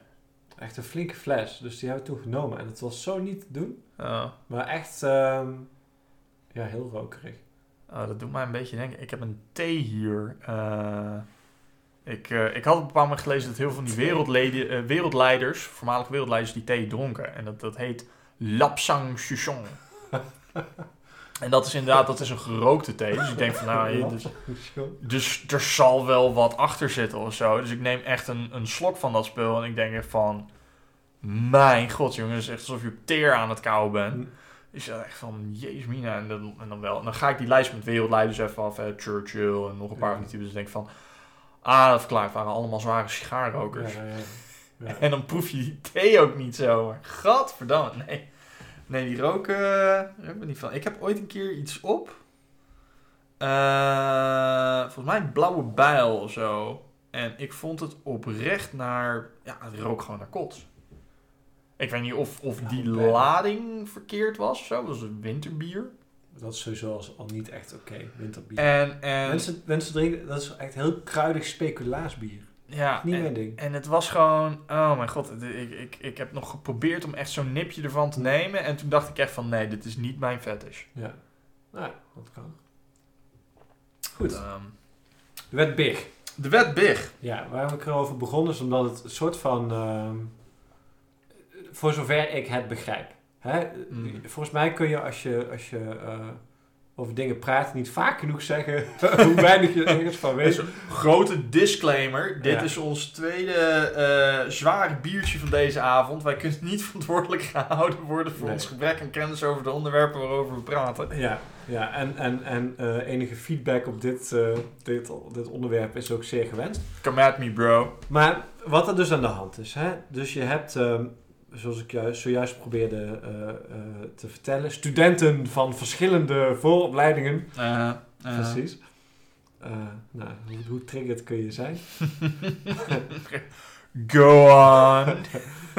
Ehm, en door de jaren heen zijn die dus opgeleid als verpleegkundige. Mm. Eh, MBO, HBO, ga ik Ja. daar maar eventjes op. Ehm, en iets daartussenin vaak ook nog wel. Hè? Dus een HBO-opleiding dat later toch als meer als MBO wordt gezien. Die Mhm. mensen werken allemaal al 30, 20 of 10 of iets jonger dan dat jaar op die, eh, op die afdeling. eh, of op in dat ziekenhuis. Ehm, en dan komt er een wet aan en die zegt van we gaan voortaan de MBO's en de HBO's anders behandelen. Ehm, en dus datgene wat jij potentieel al 30 jaar doet, daar gaan we je nou op toetsen. Mm. Ja. En eh, hoe jij die toets doet, afhankelijk daarvan eh, kun je, mag je bepaalde dingen nog wel of niet meer. Dus, dus je bent bijvoorbeeld al 20 jaar, is er, zijn er zaken Ja. die, je, die je op jouw werk doet, die jij als professional, waar, Mhm. nou ja, verpleegkundigen doen dat niet voor een salaris, dat is gewoon best laag. Ja. Ehm, mensen werken daar. Nou, nou, moet, nou moet ik zeggen, op eerste oogpunt het idee om... Nou, ik zou het dan nooit eenmalig doen, maar op frequente basis te toetsen in een veld waar mensenlevens van afhangen, waar wel continue ontwikkelingen gaande zijn, of de kennis van mensen nog wel up-to-date is, Tuurlijk. ben ik niet tegen. Ik ook niet. Maar ik vermoed dat het een ander soort toets is aan jouw verhaal. Nou, het probleem zit er maar vooral in, de benadering. Zeg maar, je kunt twee dingen doen op zo'n moment. Je kunt zeggen van, hé, hey, jij werkt hier al 20, 30 jaar. We Mhm. vinden jou top. We gaan nu dit toetsen. Als dit goed gaat, helemaal top. Als het niet goed gaat, gaan we met jou aan de slag. Zorgen we dat het goed komt. Helemaal top. Wat je ook kan doen, is zeggen van, we gaan je toetsen. Hopelijk haal je het. En anders dan... eh, ja, en het tweede is natuurlijk wat er nou dreigt te gebeuren. Oh god. Ja. Nee, maar dat is, dat is ook weer. ehm, ik, ik, ik- ja, ik ga het gewoon zeggen. Dat is weer zo'n typisch voorbeeld van managen op incompetentie. Ehm, want inderdaad, hè, laat, laat wel duidelijk zijn je opleidingsniveau. Los van hoe je je noemt terwijl je bezig bent met dat opleidingsniveau. Maar ehm, is de, de enige rol die het speelt is dat het, is dat het jou een, een, een, een stukje voorbereidt en een, en een deur makkelijker Nou. opent voor wellicht de eerste functie die je uitvoert. In een carrière die vele jaren gaat beslaan, waarin je waarschijnlijk, en dat, en, en, en dat begint best wel meer en meer een zekerheid te worden in deze tijden, waarin je echt nog wel een paar keer radicaal van richting gaat verwisselen. Dus eh, hè, het is, je, je voorbereiding is relevant misschien in de eerste 1 à 2 jaar van je, van je werkende bestaan. Nou, maar zelfs daarna... in beide gevallen leren mensen die, die verpleegkunde doen eh, en, en in een ziekenhuis gaan werken, die leren gewoon on the job. Dat is wat er En- altijd en- gebeurt. En dat, is prima. En dat is met alles. Hè? Dus daarom zeg Ja. ik van dat onderscheid is rechtvaardig om te maken bij starters. Ja. Maar, Maar de- de- maar de- de- tegen de tijd dat jij een carrière door bent gegaan, ehm, is, is, weet je, na tien jaar is het echt niet meer relevant om te kijken naar wat voor een opleiding heeft Nee, iemand maar de, gehad. de, de hele vraag hierbij is, is ook niet of, dat, of, dat, of de differentiatie nou zo heel erg is. Ik bedoel, Hmm. dat is waarschijnlijk wel verstandig. Bijvoorbeeld omdat mensen die, die, die HBO hebben gedaan, eh, dat op, om een bepaalde reden hebben gedaan. Eh, die kan al niet terecht zijn, zijn op die manier opgeleid en vinden waarschijnlijk het werk interessanter als zij bijvoorbeeld ook wat onderzoeksmogelijkheden of verdieping eh, kunnen, kunnen doen. Dus wellicht is het verstandig om daar wat differentiatie in aan te brengen en om mensen die mogelijkheid te gaan bieden als ze die competenties hebben. Hmm. En dan kun je altijd nog kijken of er bijvoorbeeld HBO's zijn die diezelfde interesses zijn, die dan kunnen verder worden opgeleid, omdat, En, en MBO's bedoel eh, sorry, MBO's, omdat, eh, Ja, en dan, en, dan, en dan, ja, dan zou ik nog niet eens wellicht kijken naar, het, naar de vooropleiding die ze misschien 20 jaar geleden hebben gehad. Maar meer van, Ja. joh, wat, wat is het werk dat iemand nu doet? Nou, vraag 1 is die, heeft, heeft, heeft hij of zij alle kennis die nodig is om dat werk naar behoren uit te voeren? Hè? Voor, zover, eh, voor zover er gewoon een vaste kwaliteitsstandaard ligt. Nou, dat is absoluut relevant om te doen. En dan vervolgens kijken van, nou ja, wat, wat, wat zijn nou de eh, ambities en competenties van deze persoon en wat kunnen we daarmee gaan doen? En ik denk dat je dat, ehm, dat je daar meer moet kijken naar de momentopname van nu, dan dat het daarbij heel zinvol is om terug te kijken naar een verleden. Dus ik weet niet of ik in die toetsing differentiatie op basis van vooropleiding zou gaan Nou toetsen. ja, dat is een tweede probleem. Ehm, in de praktijk, wat ga je toetsen? Hoe ga je dat toetsen?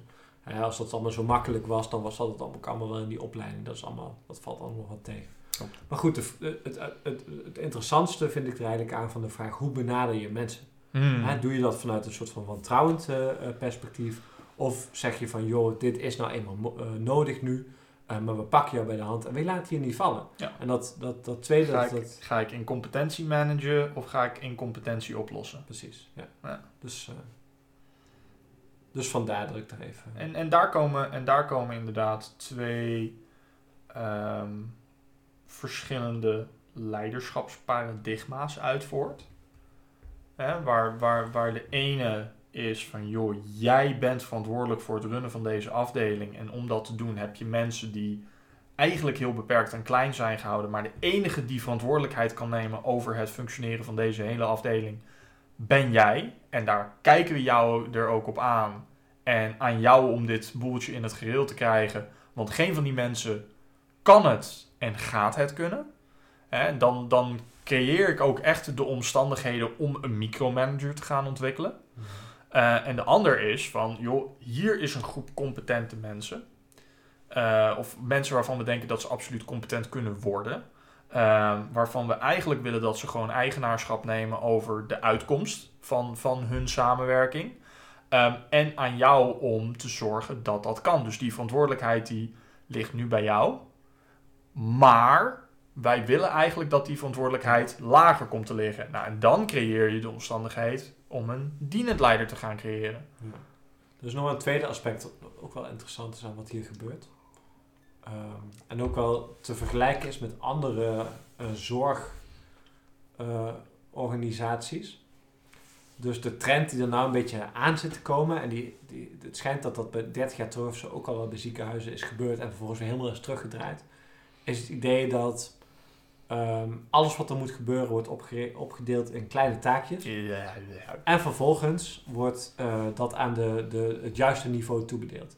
Dus in plaats van dat één iemand, eh, eh, iemand een, een, een patiënt gewoon helemaal helpt, hè, tenzij er echt sprake is van, van, van nou, gewoon het dweilen van de vloer of, of het, het, het, het verrichten van, van zware medische zaken. Ehm, is dat nu nog zo dat het eigenlijk bij, bij één verpleegkundige zoveel mogelijk wordt gehouden of bij een aantal verpleegkundigen. Ja. En dat wordt straks nog verder opgeknipt en opgedeeld. En dat heb je in de thuiszorg bijvoorbeeld ook gezien. Ja, Hè, tot het moment dat er bij mensen die, die, die, die bijvoorbeeld dementerend zijn, ontzettend veel verschillende gezichten langskomen. ja ik zit zo een beetje te denken van, joh, wie, wie, wie, wie ken ik nou die hier heel veel naar heeft gekeken? Dat is een... eh, ja, Vincent Blijleven heeft eh, zijn PhD-onderzoek aan Nijrode heel erg gedaan naar... eh, nou, het begon met eigenlijk onderzoek naar Lean IT. Eh, maar daar heeft hij zich heel erg op de ziekenhuissector gericht en op healthcare management. En dat is inderdaad wel iets dat hij vond, is dat door dat gigantisch opknippen van, van, van eigenlijk. ehm, eh, hij, hij omschreef het op, op een moment gewoon heel fijn dat de waardeketen van een ziekenhuis is super simpel. Hè, even heel cru gezegd, maar een zieke patiënt komt naar binnen, een gezonde patiënt komt naar buiten. Of hij is dood. Maar, hè, het is- maar even, maar even, maar, maar, maar, maar, maar even heel cru. Ja. ehm, van, van joh, er, er komt een zieke patiënt naar binnen. En eigenlijk die keten houdt pas op op het moment dat hij ook weer het ziekenhuis uitloopt.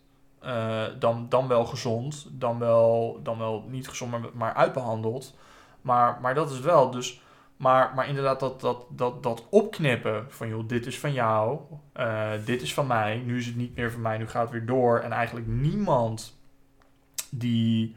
eh, en daarmee eigenlijk het systeem op zo'n manier inrichten dat eigenlijk niemand eigenaarschap kan nemen over de daadwerkelijke reis van de patiënt door dit systeem. Hè, dat wordt om de een of andere reden bij de patiënt zelf neergelegd. Belachelijk is, want die is geen medisch professional, die kan helemaal geen eigenaarschap nemen van die reis. Ehm, ja, dat, dat kost. eh, en daarvoor zou je echt moeten kijken naar, naar het onderzoek. Maar dat, dat, dat, dat kost, gewoon, dat kost gewoon mensenlevens op hoogfrequente basis. Eh, het, het, het, het, het helpt niet. Maar goed, nu, nu komen we ook weer een beetje in het punt wat we, denk ik, voor, vorige aflevering maken. Is eh, de, de, de, de focus op efficiëntie door mensen die niet snappen wanneer het interessant is om naar efficiëntie te kijken en waar het interessant is om naar efficiëntie te kijken. Ehm, ja, Ja. en dan. En, en, en, en, terecht, hè, begin van deze aflevering gingen we ook terugkijken van joh, de, de wens is de waarde van de gedachte. Ja, en ook Ehm, bij publieke sector is het altijd extra moeilijk, omdat een soort van... Er is, er is altijd mogelijkheden om geld te besteden. Dus de vraag is van, van wanneer wordt het... Waar, waar zit dat, dat, dat? En, klopt, klopt.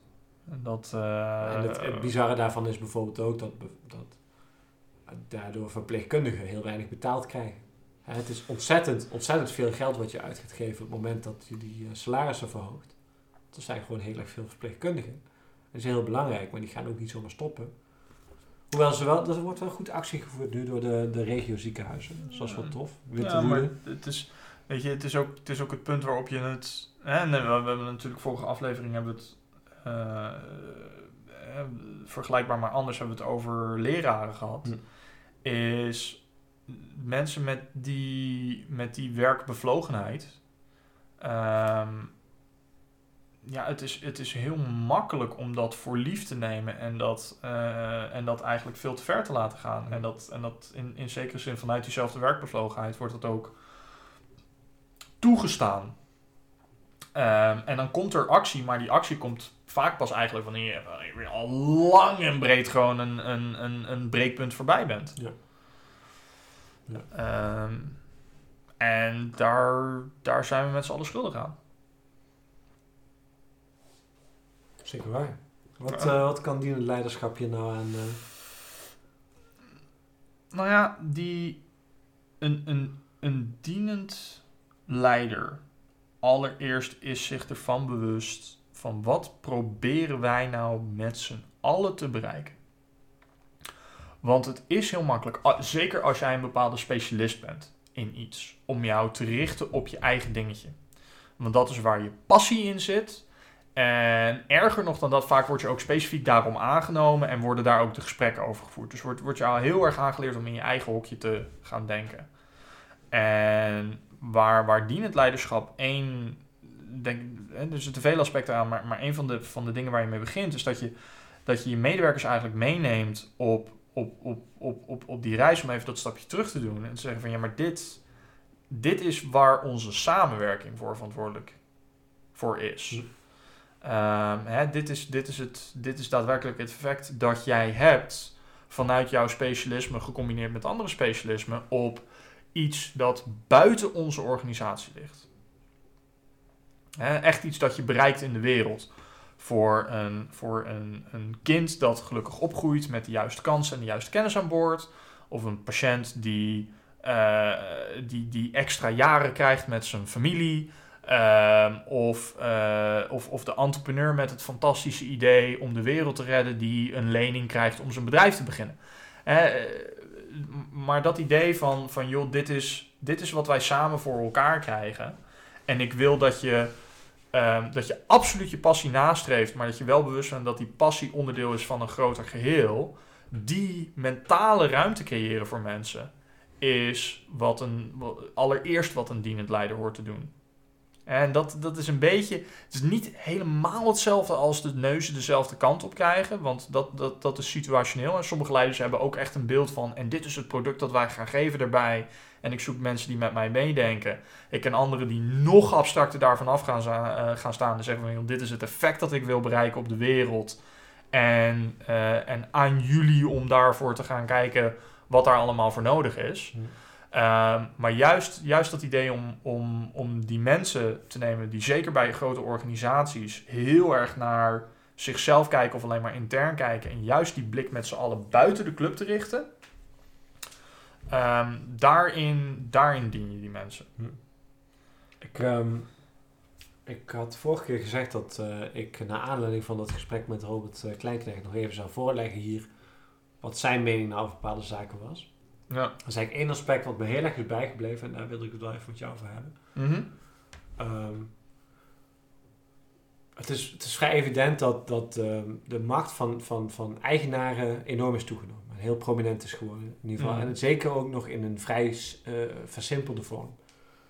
Ehm, in mijn uh, partij is de reactie daarop, uh, we vergroten de macht van, van werknemers. Hè, om, dat, om dat te balanceren. Ja. En je hebt wat varianten daarvan. En, en dit is trouwens ook hele, veel grote Duitse bedrijven hebben echt tot 40% of zo van de, de raad van bestuur die dan wordt gekozen door, door, via de vakbonden intern. Ja. Dus dat gebeurt al best veel en de effecten ervan worden onderzocht. Die zijn op lange termijn best positief. en Robert die zei van, joh, ik vind eigenlijk interessant om nog net een stap verder te gaan. En eigenlijk te kijken of je niet kunt kijken of je bijvoorbeeld ook toeleveranciers en, en andere uh, belanghebbenden, stakeholders zoals het dan in jargon heet, mm om die ook een, een, een stem te geven, een vertegenwoordiging in dat, in dat, uh, dat topmanagement. Uh, zodat daar vanuit al die perspectieven bij elkaar wordt gekeken wat is nou de beste weg vooruit. En dat niet alleen maar van iedereen zit aan zijn belang te verdedigen, maar juist ook om te zorgen dat innovatie, dat vaak vanuit vanuit uh, de mensen die er heel veel mee bezig zijn, zijn weinig bij die top terechtkomt. Dat maakt juist vaak dit soort organisaties ja. heel log. Om dat ook een stem daar te geven en te zorgen dat dat daar kan worden gebruikt op een manier waar iedereen... dus meer, meer, meer een soort van ecosystem. Ja, maar dat dus, maar, en dat je dat dus ook probeert want het is inderdaad lange termijn kijken naar organisaties. Wat is ons gezamenlijk belang? Wat zijn de dingen die wij hier zien en daar zien en daar en daar een vertegenwoordiging aan geven. Wat daar natuurlijk heel erg ingewikkeld, maar daarvoor is, is dienend leiderschap misschien wel juist wel weer interessant. Is de vraag, hoe haal je die informatie op? Wordt dat niet een soort van lobbyen voor ieder deelbelang? Dat is het slechtste wat je kan hebben. Het beste is dat iedereen daar zoekt, oké, hoe gaat het bij ons? Wat heb je nodig? Oké, dat neem ik mee. En dat breng ik in. Ja, en daar, en daar, daar zie je. Uh, en, en zelfs dan zijn we er nog niet helemaal. Want uh, het, het uiteindelijke doel van echt een, een organisatie die zich, die zich stort op dienend leiderschap. Is je kent die, je kent die organisatiepyramide een beetje. Hè? Gewoon echt, echt de baas aan de top. En dan een paar topmanagers uh, erboven. En dan een laagje middenmanagement. En dan, en dan de proleten. Grapje. maar, dan, maar dan de mensen die gewoon ja, gewoon echt werk verrichten voor klanten. Ehm, en het wat je. Waar, Vind proleten trouwens een, eh, een negatief woord daarbij? Of wat? Nee, nee, nee, nee, nee, nee. Wordt, wordt soms een beetje gekscherend. Uh, Ik denk, de plebs is dan nog iets anders, maar proleten, proletariërs alle landen verenigd, is toch gewoon... Uh... Ja, dat betekent bij jou inderdaad wat anders. Uh, als je, ik, ik denk terug aan mijn Jiskevet en de Lullo's ja, ja, en dergelijke. En daar was er toch echt een andere toon die gebezigd werd. klopt, maar ja, werk is dan vies, dus dat is ook een ding. Ja, ja voor arbeiders. Ja, ja arbeid is ook weer een term. Hè? Hoe, je het, hoe, je, het zegt, met die aardappel wordt het natuurlijk allemaal ingewikkeld. um, maar even terug te keren. Dus, dus, dus waar je uiteindelijk naartoe wil is dat die, uh, dat die piramide omgekeerd wordt. en dat die mensen die het werk doen dagelijks en die zeker in een snel bewegende organisatie. Ja, ja. Ik was, even, ik was even bang dat je gewoon een paar mensen niet werken en dan nee, nee, nee, maar duizenden managers erop af. Die, die, die, die, die, die, die, continu aan de gang zijn, die continu eigenlijk dag in dag uit uh, strategische beslissingen eigenlijk aan het nemen zijn over de organisatie en aan het innoveren zijn, dat daar een laag onder zit die, die, dat, die dat borgt in de zin van dat dat kan functioneren.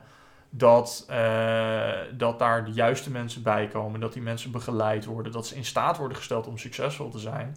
En dat daar ook weer een laag onder zit die, die, die zich veel meer richt op de zingeving van, van dat bedrijf. En dan inderdaad dat idee van, joh, hoe gaan we dan om met innovatie? Joh, dat moet. Uh, uiteindelijk komt dat tot aan boordniveau wanneer het een voldongen feit is. Van joh, dit zijn de verschillende innovaties die we uitgevoerd, die we uitgeprobeerd hebben. Deze zijn succesvol geweest en geïmplementeerd. En deze niet. Ja. Uh, want want uh, gewoon heel cru vanuit een business perspectief. Maar als ik een voorstel moet gaan doen voor een innovatie. En die moet eerst de boom op. En daar moet toestemming voor gegeven worden en dan weer de boom af. Is veel te traag. Ja. Toch is dat echt veel nog steeds traag. hoe, hoe veel, veel organisaties werken. Ja, geloof En ik, ben, ik ben, en ik verdien, even, even heel gek te zeggen, ik verdien een hele hoop geld door ze uit te leggen dat het gewoon echt heel erg dom is. Ja, het, maar het is tegelijkertijd, zeker vanuit een soort van wetgevend perspectief, heel logisch dat het zo gaat. In zekere zin, hè? want bepaalde zaken wil je opleggen en wil, maar daar hadden we het begin van, uh, van ons gesprek vandaag uh, wel over. Ja. Uh, maar vanuit een hele hoop zaken is het het domste wat je kan doen. Je kunt het beste zeggen van, joh, uh, ga ermee aan de slag. Maak er het beste van met deze doelen en met dit. Ja, en dat is, en dat is een van de, een van de, uh, een van de kerndingen waar ik, het, waar ik het vaak over heb. Is van, joh, weet je, als jij, als jij communiceert met je, met je uitvoerende laag, laat ik het gewoon zo even zeggen, in de vorm van, joh, dit zijn allemaal oplossingen die ik wil dat je realiseert en ik heb daar graag feedback op, maar et cetera dan, dan zet je een hoop van die hersenen uit. Terwijl wat je ziet is die bedrijven die echt competitief voordeel weten te halen tegenwoordig, die communiceren helemaal niet meer met hun uitvoerende laag in termen van oplossingen die gerealiseerd moeten worden. Die hebben het over problemen die opgelost moeten worden.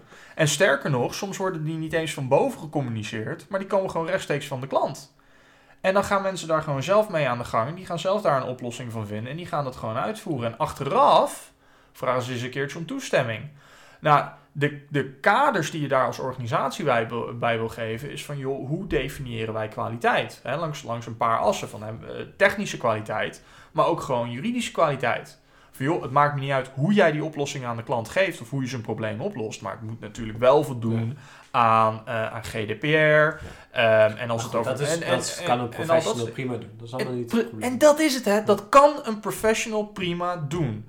Jij moet als bedrijf je professionals en wederom, dat heeft niks te maken met opleidingsniveau. Ik heb met, uh, ik heb met, met, met, met autogarages gewerkt zelfs. Nou, geloof me, dat is één berg professionals. Uh, jij moet professionals in staat stellen om binnen die kwaliteitskaders die jij als bedrijf hanteert en binnen de ethische kaders die jij als bedrijf hanteert, zelf te zoeken naar de ideale oplossing. En daar zelf mee te experimenteren. En, en hoe jij en, en en, en, en daar moet je als leider faciliterend in zijn. Dat dat kan. En dat is, dat is voor zover ik weet in ieder geval in, in, in de beroepssector op dit moment, in, in, in business, is echt de enige manier om nog naar voren te gaan. Want al het andere, het werkt veel te traag. En het kost je gewoon je meest getalenteerde mensen. Want die hebben de optie om weg te gaan. Ja. Duidelijk man. Ja. Leuk. Um, zullen we hem daarbij laten? We zitten inmiddels op, uh, op 1 uur 24 minuten? Of? Dat vind ik een beetje aan de korte kant. We zijn- is- ons, ons, ons, ons ding was toch, eh toch 1,50 eh, de vorige keer? Of 1,40, 100, 100 minuten. Maar goed, we hebben, het, eh, we, hebben nog, we hebben nog een kwartier te gaan. We kunnen nog even nabeschouwen hierop. Nou, We kunnen nog leuke leestips geven. We kunnen het ook nog een beetje hebben over de volgende aflevering. heb jij de laatste tijd nog iets gelezen? Ehm, ja. Ik ben, eh, ik ben bezig met een boek genaamd eh, Thinking in Beds van Annie Duke. Ik was wel gehoord. Heel erg, eh, heel erg aan te raden. Ehm, niet, niet eens vanuit een leiderschapsperspectief, maar meer ehm, van joh, van hoe ga jij nou om met, ehm, met, met complexiteit? Met, met gewoon het feit dat de wereld een stuk meer variabelen bevat. Of, laat, ik- laat, hem, laat, ik hem, laat ik hem nog, nog, nog anders zeggen. Is de meeste mensen benaderen het leven en de keuzes die ze maken daarin alsof ze schaak aan het spelen zijn. Alsof ze alle informatie tot hun beschikking hebben. Maar dat is niet zo. Weet je, er is veel meer onbekend dan bekend. Benader jij je leven zo? Ik niet meer. Maar heb je dat wel gehad? Ik heb het in het verleden wel gehad. Dat ik dacht, en dat, dat, is een, dat is een fase waar ik denk sommige mensen doorheen gaan. Dat ze denken van, joh, de wereld is best wel zwart-wit en ik heb alle antwoorden wel. Ik heb daar nooit... eh, nee. Maar, maar, maar het idee van, joh, ik ben een spel met imperfecte informatie aan het spelen. Eh, dus eigenlijk alles wat ik doe en elke beslissing die ik neem is, Ik is heb- eigenlijk een gok. Ik heb hier wel... Toch, ik, ik weet niet of dit precies gaat werken, maar ik denk het wel. Van, van joh, en, en ik, ik maak me Een maar, analogie- maar, dat, maar, dat, ja, ja. maar dat boek geeft je gewoon, geeft één, geeft gewoon een stukje informatie over dat denken. En Ja. twee gaat gewoon in van, joh, als je dan op een bepaald moment eh, je gewoon realiseert dat, dat je een spel met imperfecte eh, informatie aan het spelen bent, wat voor strategieën zijn daar dan zinvol in? En dat is best wel even een, een, een ommekeer die je Ik heb, denk, ik heb denk ik wel een mooie analogie eh, die ook gelijk even beantwoordt aan een van onze, onze favoriete onderwerpen die wij eigenlijk nog niet zo hebben besproken hier. Computerspelletjes. Yes. Ik speelde vroeger altijd eh, GoldenEye. Ken je dat nog? Oh, zo goed. GoldenEye op de Nintendo 64. Ja. eh. en ehm, en wij, wij speelden altijd, ehm, ehm, volgens mij heet dat Golden Gun. Of, of zoiets. License Ja. to Kill. In, in ieder geval in één keer was je dood. Ja, dus als je ja, een klein beetje geraakt werd. Wat, en ehm, zeker met een rocket launcher. Hè, dan kon je echt gewoon, als je dan ergens in de buurt van een beetje hitte kwam, dan was je gewoon af. Ja. En er waren, ik, ik speelde dat met, met twee vrienden van mij, Hans en Paul. En ehm, zij beschuldigden mij er altijd van dat ik echt lucky hits had. Hm. Ehm, en mijn antwoord op hen was altijd van, joh, ik heb geen lucky hits. Ik dwing dat geluk af. Ik probeerde gewoon af en toe echt bijzonder moeilijke dingen. En niet eens moeilijk, maar gewoon dingen die gewoon nooit lukken. Ja. En als je dat gewoon honderd keer doet, ja, dan schiet je misschien wel vijf keer raak. Ja. Dus en die vijf keer, ja, dat zijn die keren dat iedereen zit van, wat gebeurt hier? Ehm, en en, en, waar, waar ik dacht dat dit misschien wel op aansluit, maar misschien werkt het echt totaal niet. Maar goed, dat kan wel op het einde van zo'n podcast. Eh, het leven werkt ook een beetje zo. Van, van je kunt wel eh, eh, iets proberen af te dwingen, maar dat lukt eigenlijk bijna nooit. Dus je moet eigenlijk het omgekeerde doen. Je moet niet al die shots proberen, daar word je helemaal gek van. Hè, in een computerspel is het heel makkelijk. Je probeert gewoon af en toe te schieten. En als het dan een paar keer raakt, is het goed. Als je het in je leven doet, word je helemaal gek. In het leven moet je precies het omgekeerde doen. Je moet gewoon het moment pakken dat het, dat het kan. En dan moet je het doen. Dus je moet veel meer, meer kijken naar wat komt er op je af. Op wat voor Ja, momenten. En pak ja. je het nu. Ja en nee. En tweede, ehm, wat, wat, wat er ook een beetje uitkomt is van, joh, hè, één keer iets proberen en dat het dan niet lukt in je leven, betekent niks. Dat sowieso. Eh, hè, dus, dus je, want je, want je kan gewoon niet zeggen van, joh, deze, deze beslissing was slecht op basis van het resultaat. Want je hebt niet voldoende informatie om het resultaat te garanderen. Dus, dus ja, hoe wil je dan omgaan met het maken van Ja. beslissingen? Ja, liever vaker. Je wil, je wil continu kleinere risico's nemen, zodat je je strategie een beetje kan gaan overwegen. Dus inderdaad, soms komt die big bad langs en dan denk je van, nou weet je, geen garantie dat het lukt, maar het risico is laag en de potentiële winst is hoog, dus we gaan het gewoon doen. Hé, ik heb onlangs, ik heb, eh, ik heb ontslag genomen, ik begin november met een nieuwe baan. Geen idee hoe het gaat worden. Eh ander soort bedrijf, ander soort cultuur. Eh, ik krijg wel de vraag van, ja, denk je dat het daar beter gaat? Ik zeg van, joh, ik weet niet. We gaan het zien. Ja. Hè, want ik, ik, ik, ik zit, in, een, ik zit in, in het soort situatie waar het risico voor mij met zo'n gok is best wel laag. Ehm, terwijl de, de potentiële winst best wel, is best wel hoog. Ehm, dus lukt het niet, dan ga ik gewoon weer wat anders proberen. Ehm, terwijl, terwijl als ik een spel van perfecte informatie zou spelen, dan was het van ja, natuurlijk gaat dat fantastisch worden, want ik heb mijn onderzoek gedaan en ik heb met die mensen gepraat en, en al dat soort dingen. Dus wat, je, wat je doet als jij meer gaat denken in termen van, van joh, er zit, een, er zit een winkans en er zit een risico hier aan vast, is het, het verlicht een beetje de mentale druk Hmm. bij het nemen van beslissingen. En hè, dus los van, de, los van de strategieën die je nu terugleert, maar, maar die uitkomst ehm, is voor mij vooral heel interessant. Ehm, maar goed, dat, ik kan hem zeker aanraden. Thinking in Bets van Annie Duke. Oké, ik Ehm, moet er wel eh, aan bedenken. Ik denk vaak dat dingen vooral ook een beetje op je afkomen. Dus dat het, zeg maar wat... Je kunt het leven wel erg proberen om bijvoorbeeld een bepaald doel naar te streven. Hè? Om, Ja. om, om, om een bepaalde baan te krijgen of een bepaald iets. Maar de manier waarop het leven werkt is vaak meer dat zoiets toevallig op je pad komt. En dat het op dat moment het herkennen en het kunnen pakken daarvan veel belangrijker is Ja. dan het nastreven van een van die specifieke zaken. Ja, is een beetje van beide. Laat ik het anders zeggen. Ja. Het, het, het nastreven van een van die specifieke zaken kan lukken. Ja. Maar als het mislukt, dan eh, heb je er heel veel energie in gestoken. En, en het is het allemaal... Nee, ik, jammer. ik, ik herken het wel. Ik bedoel, de- de- wat, ik, wat, ik, wat ik tegenwoordig professioneel doe, heeft nog maar heel erg weinig te maken met, eh, met mijn achtergrond in opleiding. Hm. Of zelfs de eerste baan die ik had. Eh, dus ja, gedeeltelijk is het een beetje kijken wat er op je afkomt. Tegelijkertijd is het ook wel zoeken van, joh, maar wat zijn de dingen waar ik nou echt energie van krijg, waar ik Ja, gepassioneerd over ben. En kan ik daarin gaan zoeken? Want dan ga je op een bepaald moment ook bepaalde kansen daarin kunnen herkennen. Ja. En, en daar komen die twee in samen. Oh, Wat, wat ben jij tegenwoordig aan het lezen, Bart? Mm. Het is vandaag ehm, eh, volgens mij Decent Work Day. Eh, Mhm. ik heb mijn Ghostwork eh, boek uit. ah ja, dat is over, leuk. over de Mechanical Turk. eh. Ja, ja en, eh, en vergelijkbare platformen. En eigenlijk over eh, toename onzeker werk. En de vraag van wat is daar nou interessant om... eh. Ehm, ja, ik weet niet of ik het nou zo'n geweldig boek vond. Ehm, het heeft me in ieder geval wel veel geleerd over iets waar ik niet zoveel van af weet. Hmm. Dus de digitale wereld en het verder opsplitsen van taken, werk. Het heeft me wel aan het denken gezet over de vraag van... joh, wat verwachten mensen van werk? Hè, eh, de, ehm, laat ik dan, we hadden het straks even over definities. Hè? Eh, iets vaags, goed werk. Betekent misschien nu wel iets heel anders als, eh, als straks.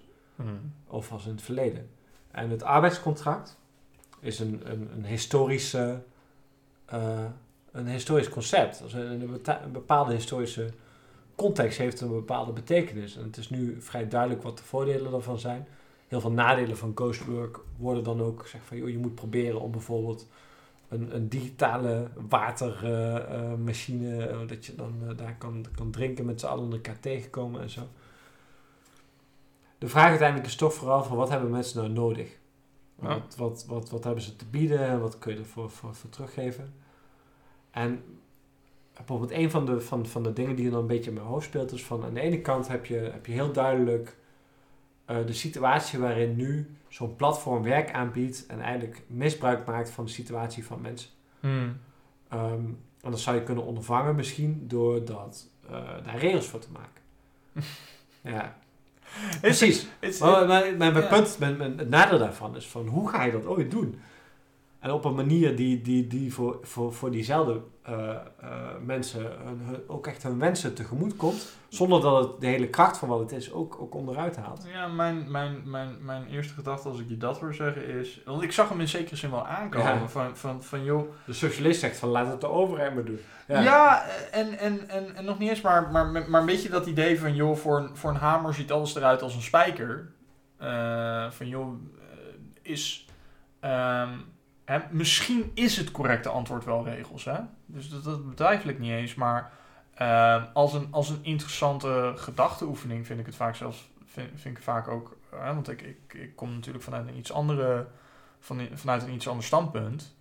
Eh, eh, ik vind het voor mezelf altijd wel interessant om, om, om eigenlijk een beetje een stap, een stapje terug te doen. En zeggen, oké, oké, we kunnen het doen met regels of we kunnen het doen met concurrentie of, dat, eh, of, of, of, of marktwerking of wat dan ook. se tegenovergesteld. Zijn niet per se tegenovergesteld, maar wat voor Ehm, zijn er andere oplossingen voor, voor ditzelfde issue die ik kan, kan bedenken en, en, en als gedachte-experiment voordat ik ga inzetten op één richting? Ja, maar die, zeg maar, het laatste hoofdstuk heeft bijvoorbeeld tien oplossingen die worden genoemd. Ah, als laatste was trouwens dan was, was bijvoorbeeld eh, dat consumenten er beter op gaan letten. Nou, als je één ding weet van, van gewoon hoe de wereld nu in elkaar zit, is dat consumenten het allemaal helemaal geen fuck kan schelen. Eh, ja, in naam wel, maar vaak is, is hetgeen wat dan goed wordt gedaan toch PR en valt het in de praktijk weinig tegen. Ja, het is- Nou, maar een, een heel simpel Ja. voorbeeld. Hè. We weten gewoon dat de kleren die we dragen en zo, dat er mensen bij omkomen. Gewoon best wel massaal. En daar doen we niet heel erg veel tegen. Eh, dat is wel interessant. Wij hebben laatst, eh, wij hebben laatst allebei eh, een, een, de laatste podcast geluisterd van Sam Harris. Oh, dit is wel mooi. Over... Als we, ja, maar dit kan nog even een uur duren als. We gaan gewoon, we gaan gewoon Ja. de derde aflevering opnemen direct hierna. We gaan, we gaan een beetje, een beetje, voorstellen. die, heet, die heet The Great Uncoupling. Dat is een heel interessant interview met Andy McAfee. Ja, een heel interessant concept over de vraag van, joh, wat kunnen we nou af van Ja. het hele idee dat we onze welvaartsgroei afhankelijk maken van, van resources. Ja, dat het ten koste gaat van, van, van, van, de wereld. Ja. Ehm, nou, ik wil niet het hele ding afgaan. Ik kan je, kan je heel erg aanraden om, om, eh, om, om daarnaar te luisteren. Ehm, maar het punt, punt dat bij mij een beetje opkomt is... ehm, wanneer mensen de... Hè, waarom ik een beetje trigger op van... joh, het kan de consument allemaal niks schelen. Het is wanneer mensen de middelen hebben om de keuze te maken... gaan ze geven om die keuze. En dat is, eh, om, om, om een heel erg supercru anekdotaal voorbeeld te geven. Ik koop eh, alleen maar eh oereieren als ik de kans heb. Een soort eieren, dat komt van kippen die gewoon natuurlijk jachtgedrag vertonen en, en al dat soort dingen. En die zijn veel duurder dan, dan de standaard eieren. Nou, het liefst nog hou ik mijn eigen kippen, maar alleen ik heb nu geen tuin, want ik woon in een appartement. Maar, hè, jij wel. Ik heb mooie kippen. Ja, je hebt supermooie kips. Gewoon Eh, eh, de, de, hoe heet het? maar- Eh, ik ben even de naam maar- kwijt. Omdat ik Zijdehoender. Ja, Kriel. Maar omdat ik de financiële middelen heb om die keuze te maken, maak ik vrijwillig de keuze om meer geld uit te geven voor een product waar ik ethisch meer achter sta. Hey, maar- En ik doe dat ook met, met kleding. Hè. Ik probeer dingen te kopen van, eh, van Patagonia eh, en dergelijke, omdat die heel veel doen aan het, eh, aan het, het, het, het veiligstellen en het, en het werkbaar maken. Dus wanneer de consument de middelen heeft om de keuze te maken, dan zie je wel degelijk, want ik ben daar niet uniek in, dan zie je wel degelijk dat ze die keuze gaan maken. Alleen als ze de middelen niet hebben, dan blijkt die, keu- dan blijft die keuze vaak uit. Ja, ik, ik ben daar wat minder positief over dan jij. Ja, ik, denk maar- dat dat wel tegenvalt. Maar daarom ben je ook een supernare socialist. Dan ben ik de optimist in dit ge... ja, nee, ik vond, ik vond maar er zit een veel interessantere vraag in die hele podcast. En die ging over vooruitgang. Ja. Dat is misschien wel een punt om even mee af te sluiten vandaag. Hè? ehm, een suggestie die vaak wordt gewekt, en zeker ook in die podcast werd gewekt, is het punt van, joh, dingen in de wereld gaan vooruit. Dus eh, wat zit je nou te zeuren? Hè? En, en het, het, het, het, er zit ook een wel mooie ironie in. Zeker omdat we het juist ook eh, eh, heel even over China hebben gehad. Ja. Ehm, eh, een, een vrij cruciale grafiek die werd genoemd is de bekende olifant van eh Milanovic. En die laat eigenlijk zien dat met name in China een vrij grote groep mensen in één keer hun, eh, hun welvaart best wel behoorlijk zag stijgen. Ja, ja is de, de, de, de knal van de, van de middenklasse. eh, Ja, die is nog wel betrekkelijk. Maar goed, dat is. eh, eh, maar maar de, de mooie ironie die daar natuurlijk in zit, is, is het punt dat dat eh, in, in, een, eh, in een land gebeurt dat nou niet het toppunt van kapitalisme is, hoe je het verder ook precies bekijkt. Hè? mhm.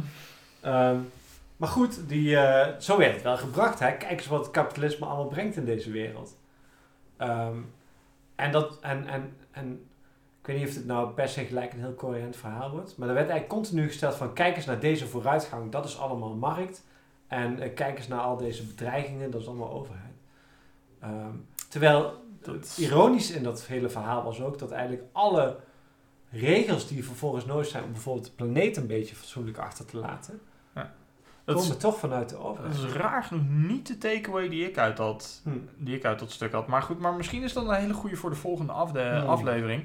Ik zat, ik zat eerlijk gezegd nog een beetje te twijfelen over van, joh, wat gaan we volgende aflevering doen? Mijn instinct een beetje was van, joh, laten we het eens een keer gaan hebben over vakbonden. Doen ze meer kwaad dan dat ze goed doen? Maar dat weet ik niet of ik per se de meest positieve maar die kunnen we, die kunnen we later, eh, later in de toekomst nemen. Maar ehm, het, het is misschien wel interessant voor de volgende aflevering. Ja. Want ik heb, ik, heb, ik heb dat boek van Annie McCaffrey in ieder geval vooruitbesteld. Dus ik ga het wel proberen Hm. eh, door te nemen. Maar laten wij het volgende keer ehm, eens een keer gaan hebben over de ehm, over innovatie. Ehm, en wat, wat, wat de maatschappelijke gevolgen daarvan zijn en de rol van de, van de overheid en Heb de business eh, daarbij. Maar eh, vind ik helemaal goed. Even twee dingetjes. Eh, misschien kunnen we gelijk Pinker mee pa- pakken. Werd ook genoemd in het... ze heeft de vraag eigenlijk opgeworpen van... joh, wat zit iedereen toch te zeuren? We zien zoveel vooruitgang. Dat is eh, best een interessante, ja. interessante St- vraag. eh, Steven Pinker? Ja. Die? Ja. Ja, ja die, die is, heeft, is heel belangrijk geweest. En samen met Bill Gates overigens. Die heeft er ook wat over eh, getweet met name. Is heel erg dat debat aangejaagd. Eh tweede ding is, ehm, als we het over innovatie gaan hebben, is het misschien ook wel interessant als jij voor die tijd eens een keertje de ondernemende staat van eh Mazzucato leest. Sure, geef mij, geef mij eens een leestip en dan eh, ga ik mijn best doen. ga ik even voor jou eh, regelen eh, dat je die hebt. Gaan we daar de volgende keer over verder. Dat is wel tof. Alright. Nou, dames en heren, dat was het weer voor deze keer. We hebben weer gewoon 1 uur 40 eh, vol weten te Ik krijgen. vind dat dat ook wel inmiddels aan onze, dat we dat aan onze stand verplicht zijn. Ja, we gaan gewoon elke keer voor die ongeveer die 100 minuten mikken. Ja. En, ik eh, heb het vermoeden dat dit keer wat minder consistent zijn geweest dan de vorige keer. Ik weet niet, volgens mij, eh, volgens mij eh, we, we, we, we hebben altijd een beetje een, eh, een beetje een zijroute ook in de vorige. Maar, maar uiteindelijk hebben wij wel, eh, denk ik, een goed gesprek over dienend leiderschap gehad. Ja. Zijn we het daar in ieder geval, heb ik het idee, niet heel erg over oneens. Nee. De vraag is nu een beetje, willen we nog heel even vijf minuten napraten met een koffiebiertje? Of doen we dat gewoon in onze eigen tijd? Eh, nou, ik denk dan dat, dat we het de, de luisteraars wel verschuldigd zijn om dit laatste eh, Dark Roast eh stoutje eh, even te reviewen. Blijf nog even na de aftiteling.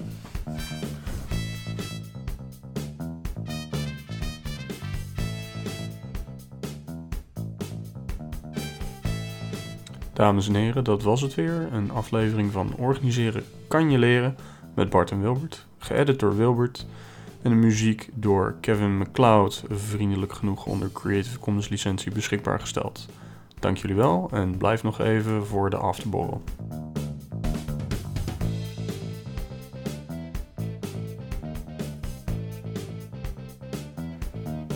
Nou, bedankt dat je gebleven bent voor na deze aftiteling. Ehm, ik, ik heb hier een dark roast van de streek in handen en Oeh. Oh mijn god. Oh, dat...